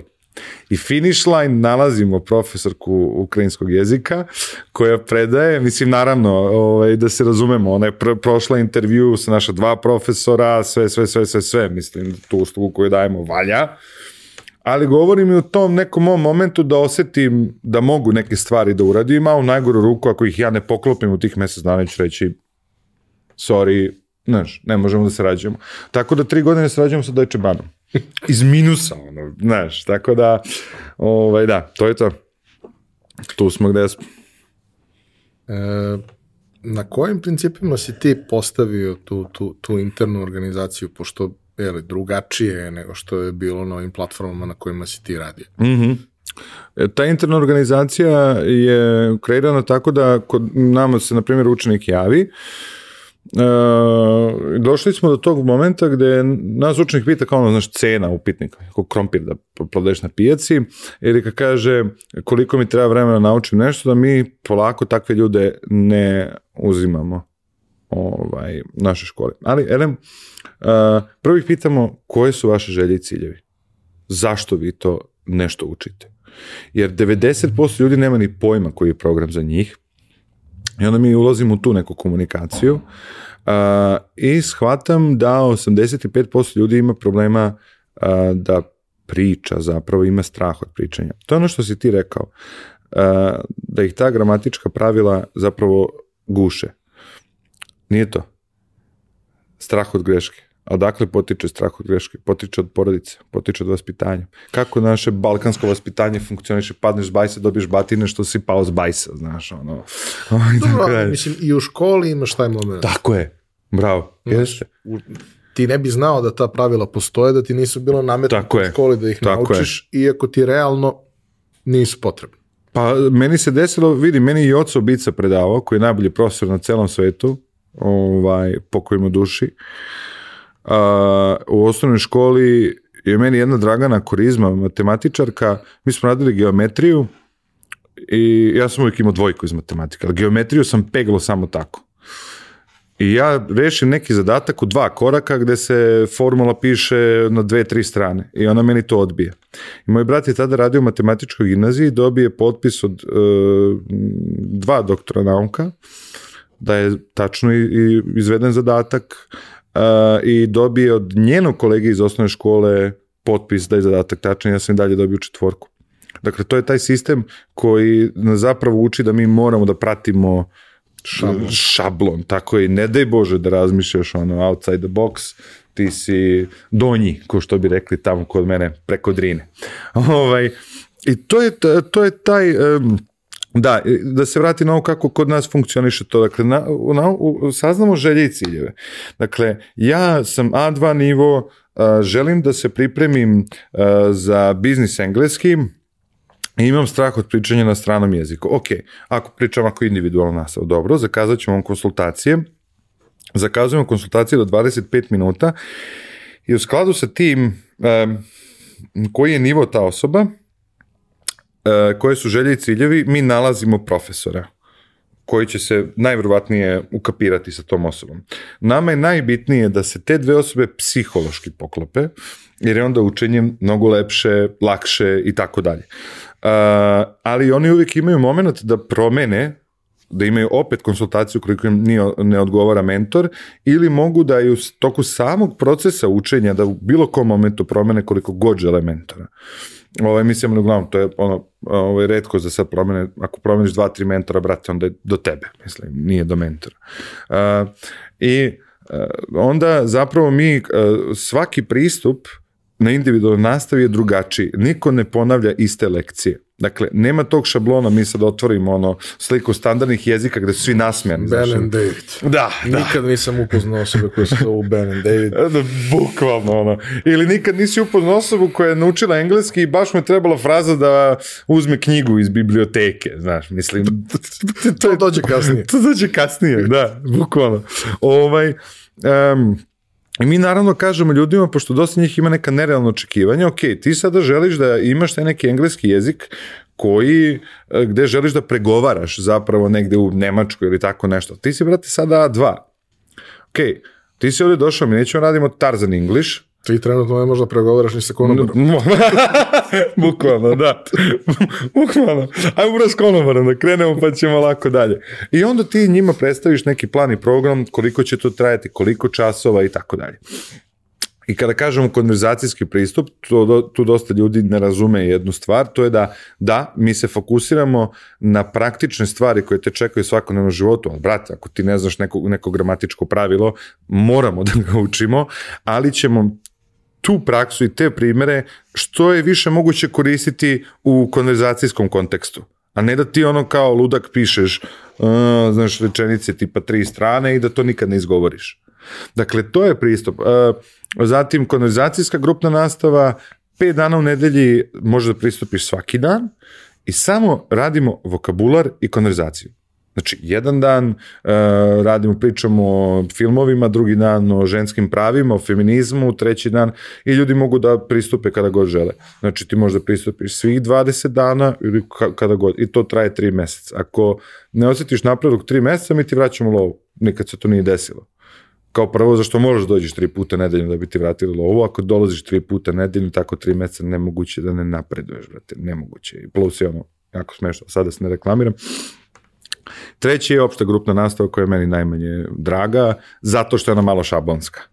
Znaš, ali se trudimo da u toku same nastave ubacimo imitiranje nekih uh, situacija, da postavimo uh, učenike u neke subgrupe, pa da onda neko ko najbolje zna taj jezik, najbolje usve, da onda on malo bude predavač i da objašnjava, jer zapravo u onoj knjizi Lean Startup je bio jedan biznis gde je neki profesor napravio skup Uh, odnosno napravio jednu platformu gde se nalaz, nalazili učenici, gde su jedan drugom objašnjavali neke ovaj, lekcija i zapravo ti tako najbolje učiš kada objašnjavaš nekome nešto. Ko je na sličnom nivou kao što si. Tako je, tako je. Ovaj, e, tako da je to neki naš pristup i plus e, se trudimo dakle da je mušterija uvek u pravu. Um, meni je samo najbitnije da, da su moji učenici, mislim moji, ali jesu moji, da su ušuškani i da im je lepo, dakle da ono domaćinski. To je nešto sam ja ponovio svoje kuće i da ako ti nešto ne valja, ajmo da pokušamo da ispravimo to i hajde da, ovaj, da vidimo da li možemo nađemo zajednički jezik, ali samo da na kraju kraju ne bude ono bad blood. Znači ako ne možemo, da se lepo rastanemo, vratit ćemo lovu ili šta god.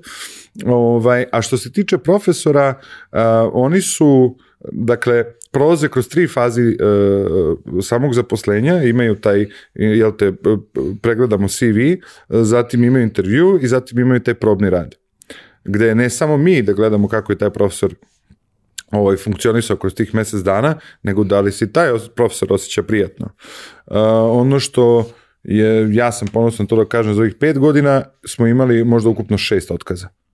Znači to je to, ili s naše strane ili s druge strane. E, imamo 30 profesora. Znači, a, zašto? Zato što ja svoje profesore gledam kao ljude, pre svega. E, imao sam profesora koji su mi koštali 3.500 evra, nisu dobili otkaz, jer su živali nekim jako teškim uslovima a, i zato što je neko pogrešio. To je bila mantra mog oca. Ali, ajde priznaj da si pogrešio i hajde da napravimo dogovor. Ok, može. E, ovaj, to to je meni jako bitna stavka, da se oni osjećaju prijatno i da se osjećaju kao ljudi. I ono što bih voleo da kažem u ovom podcastu, da ostane negde zabilježeno, jeste da uh, želim da Poliglot vrati profesore na ono mesto gde trebaju da budu. Uh, dakle, da imaju dobre plate, da imaju dobre uslove, da se osjećaju zadovoljno. Dakle, da nemaju neke sad plate u smislu gde će da spajaju kraj sa krajem. I mi smo, ja mislim, jedina škola koja sve to radi na legit način. E, jedna super stvar je naravno što je cela aktivnost se odvija online, što znači da ljudi mogu da budu na bilo kojoj lokaciji u Srbiji ili ne čak ni samo u Srbiji. Tako je. Što automatski znači da, da ono, ti možeš da ponudiš dobre uslove nekome ko je u okruženju koje nije baš Tako je sjajno i gde svakako ne može da dobije Dakle. posao po, niti ima posla, ni ako ga ima ne može da ga dobije po nekim Just. po ne, sa nekom platom koja, koja bi bila stimulativna, a ti možeš to da izvedeš jer jednostavno Jedino što je bitno je da ima pristojni internet. Pa ne, mislim, meni je samo problem taj što ja ovaj, bi, ne uzimam puno za sebe, a mogo bih, znaš, ali sam se zeznuo tu. Ovaj, malo više dajem na ovu drugu stranu. Ali šalo, šalo na stranu, uh, generalno, generalna situacija što se tiče čitavog obrazovanja, privatnog, u Srbiji je sledeća. Dakle, ti imaš ljude koji jako lepo zarađuju, kada pričamo dakle tim domaćim ovaj firmama, ali e, nikada neće dobiti te iste pare na račun da su prijavljeni. I onda ti imaš, to je problem freelancera. Znači ti onda imaš prvi problem, a taj je da ti ne postojiš u sistemu. Ti nikad nećeš moći da digneš e, kredit, e, nemam pojma, ili nećeš moći da koristiš neke druge benefite koje imaju zaposleni. Onda imaš drugi primer, gde ide neka plata minimalac, a onda leti ti se opet isplaćuje taj minimalac, pa ti moraš da vraćaš, znaš, nazad i ovo i ono tako da. Znači, postoje razne kombinatorike. Ja to ne želim da radim. Znači, zato što smatram da ukoliko, pošto je moj posao jako komplikovan, moj biznis je jako komplikovan, ono, e, gde ti imaš negde 350-400 učenika i gde imaš 30 profesora i svi tu treba da budu zadovoljni ili u nekim granicama koliko je to normalno nekome se nešto neće svideti. A, I kada ti dođeš do tog nekog uh, momenta da su svi zadovoljni, a jel te to je nemoguće da budu, um, počinješ da, ispri, da preispituješ neke stvari u kontekstu uh, da li sada, na primjer, da povećavamo plate, da li da uh, ubacujemo bonuse, da li da, znaš, a onda dolazi do toga da sam ja s tobom ono pričao da je to dosta onako teško u, u mom smislu poslovanja. Suština toga je da uvek možemo svemu da pričamo, a ukoliko ti se ne svidi, od mene ćeš dobiti pismo preporuke, nađi gde ti se sviđa i poliglot je dakle tip škole gde ljudi neće zaraditi onoliko koliko da radi na crno, ali će uvijek imati fiksan, dobar iznos i pun iznos plate. Dakle, to je nešto što ja želim da napravim, da napravimo na belo, ne samo za mene, nego da to bude na belo za ljude koji rade tu.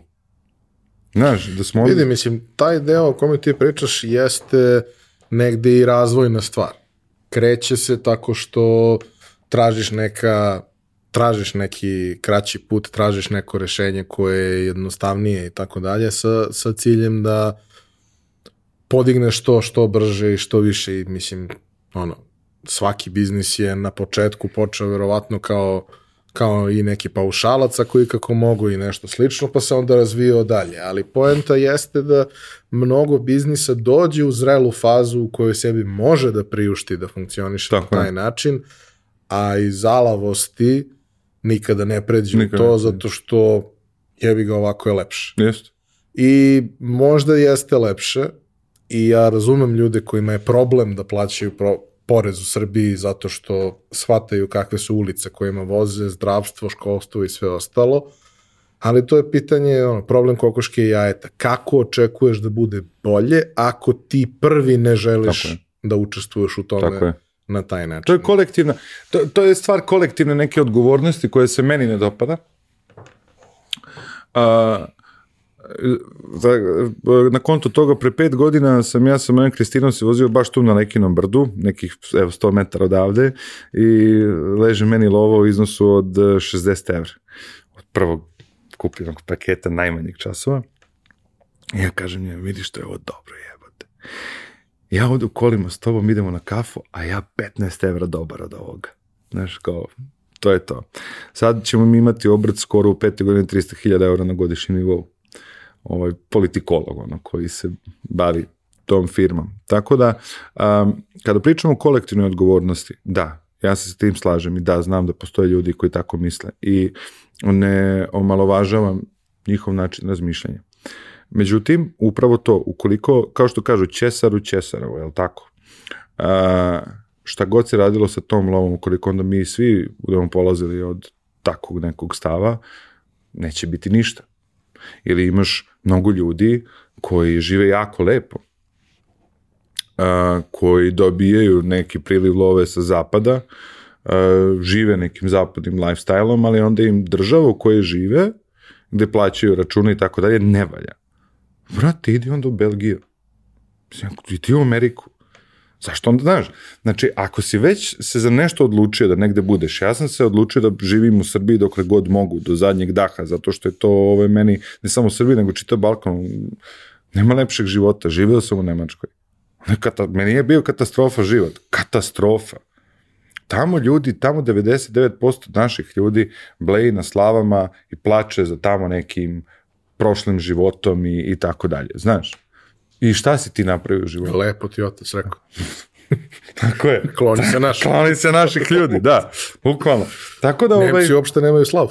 Da. Mislim, vidiš da se ne slavi slava, da, jer šta je to. Ali moram ti reći nešto interesantno. Kao Nemci ne vole nas. E, ovde sam ono baš nakupio od nekog besa, bio na društvenim mrežama, davno sam pustio neki reel, planiram da ga opet obradim, da još malo ljudi pobesne. A, ovaj, kao zašto mi ne volimo Nemca, onda se napravi zašto Nemci ne vole nas. Pa vidi, brate, Živiš 15-20 godina, gledaš kako ćeš da izmoš nemački sistem, e, ne znaš tri reči nemačkog, što ja mislim da je osnovna kultura. Znači neke zemlje koje živiš, ono, od koje sisaš, razumeš me, ti moraš da naučiš i da znaš taj jezik koliko god možeš. I e, zadnja stvar, nama su Nemci, na primjer, dali neku njihovu crku na upotrebu, da li protestantska, katolička, ne znam koja je, nekada, e, da mi pravoslavci, odnosno Srpska pravoslavna crkva to koriste.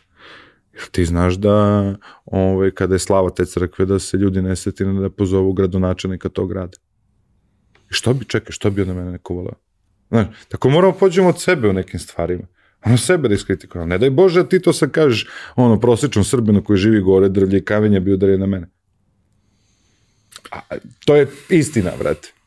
To Ma, je... mislim, Moje mišljenje o Njemačkoj je vrlo poznato ljudima Koje? koji slušaju pa, pa ja obožavam Njemačku, ja mislim da je ona dama donela mnogo toga dobrog i da po mnogo čemu treba da se ugledamo na njihov sistem i to sve što su uspeli da naprave. Sa svim manama koje to ima, a očigledno ih ima, ali sa tim manama to je i dalje bolje nego ono što mi imamo ovde. Naravno. I ta neka vrsta uređenosti sistema je nešto što je meni jako važno. Mhm. Znaš, ja sam bio u zemljama koje su mnogo čistije i urednije od Nemačke. Meni je to preterano mm neprirodno. Mhm. Mhm. Ali mi je sasvim okej da je nešto funkcionalno, čisto, da je u nekoj strukturi, da da, okej, šale se na račun Deutsche Bahna, Mislim, hajde da uporedimo sa tim kako ide naša železnica i onda više uopšte neće Da, da, da. smešno. Kao završavamo svaki argument. Znaš, kao, to je prosto to je prosto zemlja koja je uspela da napravi neke sjajne stvari, koja je donela mnogo toga inženjerskog jako dobro, što je meni lično jako važno i to je ono... Dobro, znam da ti voliš čega- njemačko auto, ja sam japanac. Ne čovjek. samo auto, nego prosto sve ostalo, shvataš, mi, ono, naše vikendice su napravljene na Boschu i Black Deckeru. Pa da. Znaš, kao mi, ono, ako pričamo o televizoru, audio tehnici, fototehnici, ok, Sony je nekada došao, Panasonic Mm. je nekada došao, ali pre toga su sve bili nemački brendovi. Tako je. To je bilo state of the art u tom trenutku. Pa Čale moj govorio da smo bili, barem da smo bili 300 godina pod Nemcima. da uvedu neku strukturu. I mislim, imaš naravno i taj moment koji, ono, sad ulazimo u dubioze, ali imaš delove zemlje koji su bili pod Austro-Ugarskom, gde i dan danas imaš zemljiš, zemljišne knjige od pre 300 Tako je. godina koje su savršeno uredne. Tako je. Sa druge strane imaš i ostatak zemlje gde ni trenutne zemljišne knjige Tako je, nisu uredne. tako je, tako je, tako je. Tako da ono, ima sve svoje. Tako je. No, uh, hoću da te vratim na još jednu stvar za, Mhm. za negdje kraj, pošto mislim da je to jako važno, a uh, ti si tu negde napravio jedan lep iskorak, na samom početku sam to i pomenuo, ljudi koji te prepoznaju, prepoznaju te po tome što ih zabavljaš ili nerviraš sa društvenih mreža. Uh, način na koji ti radiš uh, marketing i sadržaj za, za mreže, za školu jezika je meni super zanimljiv. Hvala. Uh, zato što ima dosta stvari koje prvo te teraju na neko razmišljanje, a drugo dosta nekih tips and tricks koje možeš da pokupiš. Ok, nisi jedini koji to ne, radi, Ne, ne. Ali nema baš mnogo takvih primjera kod nas i većina škola nikada nije zašla na tu stranu jer se drže nekog vrlo tradicionalnog usmerenja koje mislim da im izvesno neće doneti ništa dobro kroz vreme. Uh, s tim u vezi kako se ta priča razvijala i kako ti prosto o svemu tome razmišljaš i šta si, šta si ti naučio kroz sve to i šta si video da, da vama najbolje funkcioniš. Mhm, jasno. Uh, ono što je se pokazalo kao, uh, kao veliki problem u marketingu jeste to što škole jezika uglavnom vode žene. Uh, postoje neki sjajni profili koji vode neke sjajne žene, koji su veliki profesionalci a, i kojima ti videi bolje prolaze. Zašto? Zato što je ona žena i zato što je, na primjer, za mušku publiku ona, jel tako, lepa, privlačna i tako dalje, a ženska publika se poistovećuje sa njom. I onda sa druge strane imaš ono, bosanca glavatog sa bradom i ti ne možeš ni da budeš ni blizu popularnosti ili broju pregleda koliko mogu žene da budu. Dakle, ne govorim ovdje o nekom seksizmu, nego govorim da to u svakoj industriji jednostavno postoji. Ovaj, I ti onda tu moraš da budeš zanimljiv. Znači, ne možeš da budeš lep, Mislim, generalno ne smatram sam ružan čovjek, nisam nešto ni pretrano ono sad, Apollo neki. A, ovaj, i moraš da budeš zanimljiv, moraš da smisliš neki zanimljiv sadržaj. To je dosta puta inspirisano u nekom određenom uh, trenutku, pa to zapišem, a nekada jednostavno gledam šta je interesantno. Tips and tricks u suštini ne prolazi. Ne pro, znači, prolazi gde će neko sada reći, u, ovo je cool, ovaj lik ovo zna, ali nešto ako pričamo u prodajnom smislu, daleko bolje prolazi, jesu motivacijone priče. Jesu priče ne znam, gde moj čale uči, to ću kasnije raditi neki reel, gde moj čale učio sa 58 godina, da, uh, Word i engleski, umesto roast uh, chicken, govori roast kitchen. Ovaj, I onda je on uh, kuca u Wordu kao to neko pismo uh, meni koje smo kasnije odštampali i ja to nađem sad u nekim papirima i kao samo da kao dragi sinovi da znate da moj sin Savo sad ovde pored mene dok mi kucamo to to to i to i kao napisali smo datum i sada njemu govorim naš u kom pravcu šta on tako da kuca. I sada hoću da odradim taj reel Uh, I ne mislim, ne želim da ja napravim sad tu neku ono love story ili nešto zbog broja pregleda ili bilo šta, ali zato što on zaista čovjek s 58 godina je imao motivaciju da nešto odradi, da uči, da ulaže u sebe. Jer puno ljudi je ubijeno u pojam zbog nekih raznih situacija, finansijskih, porodičnih i tako dalje i misle da nemaju snage da se nečim bave. I sad hoću baš da odradim taj reel u tom kontekstu i da ljude malo povučem na to razmišljanje na akciju i to je nešto nam zapravo najviše da donosi prodaja. Jer se onda to ljudi poistovete. Jer zapravo ono što je nama najviše pomoglo u marketingu je bio onaj aha moment kad sam ja skapirao da, da ljudi imaju strah od pričanja na stranom jeziku. Tačka kakva gramatika, kakvi bakrači, gete, sertifikati i ostalo. Sertifikat može da nauči svaka budala koja, koja malo zagreje stolicu, to su šabloni. Ne treba inteligencija za sertifikate. Dobro, svakako radite i pripremu za Radim, to. Da, da, da, radimo mi sve te pripreme i tako dalje. Ali kada meni neko pravi nauku od tog sertifikata, pa mnogo je već nauka da te ja pripremim za život nego za taj sertifikat. Znači ti imaš neki tamo mail koji će biti i ti, sad taj mail može da bude napisan tvom kučetu, ocu, majici ili nekome. To je to. Ali ajmo mi da spremamo za ovo. Dakle, hoću da kažem, uh, i što se tiče samog marketinga, tu sam dosta istraživao, uh, nisam se uh, plašio da testiram. I nikada nisam mislio da je moja ideja najbolja. Nikada. Dakle, uvek i nikada nisam zadovoljan. Mislim, evo i sad kad dođem do ovog momenta gde sam rekao pre pet godina sam dobio 60 eura iskakao od sreće i sad dolazimo do ovog perioda ja trenutno nisam nešto preterano srećan. Ja, samo, ja sam ono kao doer, radim. Ali kad pogledamo nazad od marketinga do svega toga napravili smo veliku stvar. A, tako da mislim da je jako bitno da ljudi testiraju, da ne misle da su najpametniji, da gledaju trendove. A, naši ljudi generalno ne zanimaju tips and tricks, zato što često ti tips and tricks ne mogu da se upotrebe za neke svakodnevne situacije koje su potrebne našim ljudima i generalno naš mentalitet potpuno drugačiji. Ali recimo ti imaš taj moment i opet kažem nisi jedini, ali, ali to jako Naravno. lepo radiš, gde e, nelogičnu stvar iz ugla nekoga ko nije native speaker nekog jezika mm -hmm. pokušaš da objasniš na jedan logičniji, smisleniji mm -hmm. način i uglavnom ti to dosta mm -hmm. dobro ide. Mm -hmm. Ovaj, sad kao jel mi to korisno? Pa nije pretarano da što sam ja tako reći da. speaker. Da. Ali jeste zanimljivo da kreneš da razmišljaš o tome zašto je to baš tako. Jer ja sam ga naučio, usvojio i idem dalje. Meni je to je. postalo prirodno. Isto. Ali mi je lepo da razumem Aha, pozadinu. Da. Znaš, I okej, okay, nisam postao učenik. Ali ne mora svaki sadržaj koji se objavi da bude isključivo Ali imam popust za tebe, vrate. Ko šta nemački, njemačko auto kad budeš išao da kupuješ. Ne mogu da naučim nemački, imao sam mnogo pokušaja i ostao sam na tome da koristim mnogo ruke i, i da Može jedna fora. Kaže, ako hoćeš da vodiš ljubav sa ženom, uči francuski. Ako hoćeš da pričaš o hrani, kulturi, priča italijanski, baba sa navode. A ako hoćeš da naučiš priča sa konjem, nauči nemački. Mislim, realno jeste. Ovaj, ali I interesantan je nemački kada ga pogledaš kao kroz taj neki gramatički pristup. Uh, mislim, generalno ceo kao jezik, ja sad nisam filolog, znači ja sad, ono, ja sam ko Elon Musk, šaljem rakete, nemam pojma kako se prave rakete, znači imam filologe koji sad tu to rade, ali oni uh, za sve u životu pristupaju studiozno. Znaš onaj, sad da izvineš, jesmo mi u podcastu, ali već se šolje. Znaš onaj nemački, zašto bi studiozno mogao da pogleda svoju stolicu? To je Nemac napravio. Tako da je, takav je njihov jezik. I ono što je super, kod nemačkog što imaš milion pravila, ali nula izuzetaka. Engleski je drugi, brati. Engleski imaš ono, minimum, minimum broj pravila i imaš mnoštvo izuzetaka. Tako da je po mom mišljenju engleski mnogo teži nego nemački. Zato što je nemački dosadan. Da, okruženi smo njim. Ovo, ovaj, tako da u tom marketinškom kontekstu dosta slušam uh, pitanja od ljudi koje dobijam.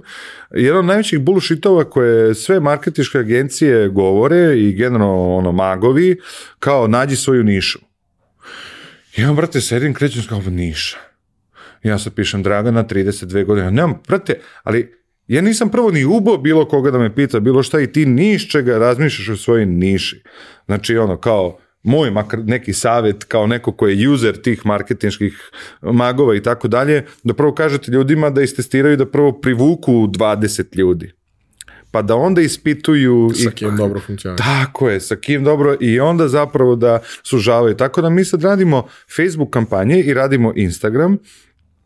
Uh, Facebook, znači preko Facebooka kada neko dođe na profil, prodaja se desi od ulaska u školu do prodaje, ona se završi za tri dana. I kada kontaktiram učenik, učenik već sve zna o nama. Apsolutno, nema pitanja. Samo hoću da platim. Kada je Facebook kampanja u pitanju, to je katastrofa. Znači, to imaš kao veći pool ljudi i zapravo tu gledaš koga se uboji, plus naplata ide daleko kasnije, jer i dalje... Prvo si rekao Facebook, šta je drugo? Znači, kad kažem, mislim na Instagram kao na, na platformu. Dakle, kad uđe naše... Ovo drugo je... Facebook ads. Znači, kad radimo Facebook ads, kad radimo targeting, retargeting i tako dalje i tako dalje, i koji ja mrzim inače, o, zato što je plastičan. Zato što ne nudi taj, taj neki malo prisniji ono, moment, barem ja tako mislim. Uh, I onda je to zapravo veliki problem, jer ti onda pristupaš velikom polu ljudi. Znači, kada ja nešto ispričam za Nemačke, onda mi se javi Dragica iz Filajnca koja bi da to spiči za 10 dana i javi mi se i tamo neki Nikola koji, ne znam, nekoj menadžerskoj poziciji razume o čemu pričamo, znaš. Tako da je meni Instagram zapravo uh, ono, mreža broj 1, TikTok ne treba zanemariti, iako ga ne volim, zato što se nalazi onako baš kao neki čudan svoj ljudi na tom TikToku i može da praviš zanimljive videe, ali oni još nemaju kao tu kupovnu moć, ali mislim da je jako bitno ući na TikTok, jer kad ti ljudi budu imali kupovnu moć, ti ćeš već imati kao prednost. Tako da ovaj, ko to omaši, mislim da je napravio grdnu grešku. A da će zapravo Instagram biti ta neka generacija koja sad koristi Facebook, koji polako zapravo ono, odumire. Mislim, ja nemam Instagram privatno, imam Facebook, tu samo primam određene da vide moje budalaštine koje pišem. Ono ne smijem baš svakog. A, dobro, znači, ono, ključna stvar svakako ostaje taj organski doseg koji praviš Tako po sadržaj. Sve ostalo je nice to have, ali bez organskog to ne bi ništa. Bez organskog ništa i organski se prvo pušta da vidimo kako prolazi. I ako prolazi dobro, onda boostujemo samo tu objavu na Instagramu. Ali ne gledam lajnkove, nego gledam uh, save-ove, share-ove i slično.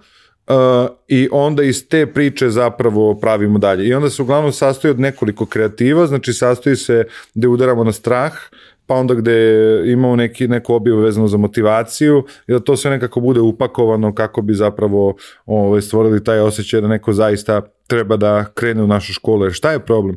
Problem je kada si ti u poslu koji uh, je neka, koji se bavi edukacijom. Šta je edukacija? Nevoljna radnja. Znači, mozak ne voli da uči. Zato se ja i trudim da logič, logično nešto objašnjavam, da jer sam ja tako učio i sve što je meni bilo nelogično, sam morao da učim na pamet. Ma nema, nema trika, druže, ja to neću učiti, nema, nema šanci. Ovaj, a, tako da a, je veliki problem što se dosta novca potroši u reklamama, jer ti iz nevoljnog moraš da stvoriš voljno i da neko kaže sebi, aha, ja to mogu. To je mnogo, brate, teže od toga da ja iz Kine poručim hiljadu sapuna i samo odredim maržu i prosledim dalje. Dakle, ovo je mnogo krvaviji posao i mislim da zahteva, mislim svaka dobra reklama zahteva intelekt, ali ne može da bude ono plain simple odrađena. Moraš dosta da razmišljaš, dakle, ko su tvoji ljudi. To je ono što je, što je minus ovog poslovanja, edukacije i slično. Dobro, ti ono, prvo moraš da kreiraš potrebu, odnosno da adresiraš Attention, da, da potreba da. da. postoji. Neki ljudi uče jezike zato što imaju vrlo konkretne ciljeve sa tim jezicima. Mnogi ljudi kojima bi to dobro došlo, jako teško će prelomiti na tu Yes. stranu zato što još jedna nice to have stvar je previše. Tako je. Ovaj, naročito ako zahteva to neko cimanje. Jel? A, dobro, u svakom slučaju a, podelio si ovde tvoju čudnu priču i mnogo mi je drago a, gde si stigao i kako se to razvija. A, neće biti lako, što je kompleksnije, bit će sve teže, ali ovaj, nekako mi se čini da će se ti snaći u svemu tome. Znaš šta bi zapravo volao da, da postane kad porastim, da ti kažem sad, sad sam se setio. E, jedino kada sam svojoj ženi rekao da nikad ne bih morao da imam decu i nikada ne bih morao da se ženim, a, da budem reli vozač. Pun gas, po šljunku, između drveća koja je ono pola metra od tebe ti voziš 140, 150. Letiš. Taj neki možda čak i osjećaj slobode i plus pomaganje drugim. Ali tebi hvala na što si me pozvao u svoj podcast i drago mi budem okružen ljudima koji vole sebi da zakomplikuju život i koji ne vole da idu onako nekim putem manjeg otpora jer od takvih ljudi se uči. Hvala na tome. Hvala vam što ste nas slušali i Hvala. gledali. Nadam se da vam je bilo interesantno. E, To bi bilo to za ovu nedelju i mi se vidimo ponovo naredne. Realizacija pojačalo podcasta ne bi bila moguća bez naših izuzetnih partnera. Kompanije Epson, koja je vodeći svetski proizvođač projektora i štampača za sve namene, i kompanije Orion Telekom, provajdera najbrže internet infrastrukture u Srbiji sa preko 30 godina iskustva. Više informacija o njima i njihovoj ponudi pronaći ćete u opisu epizode.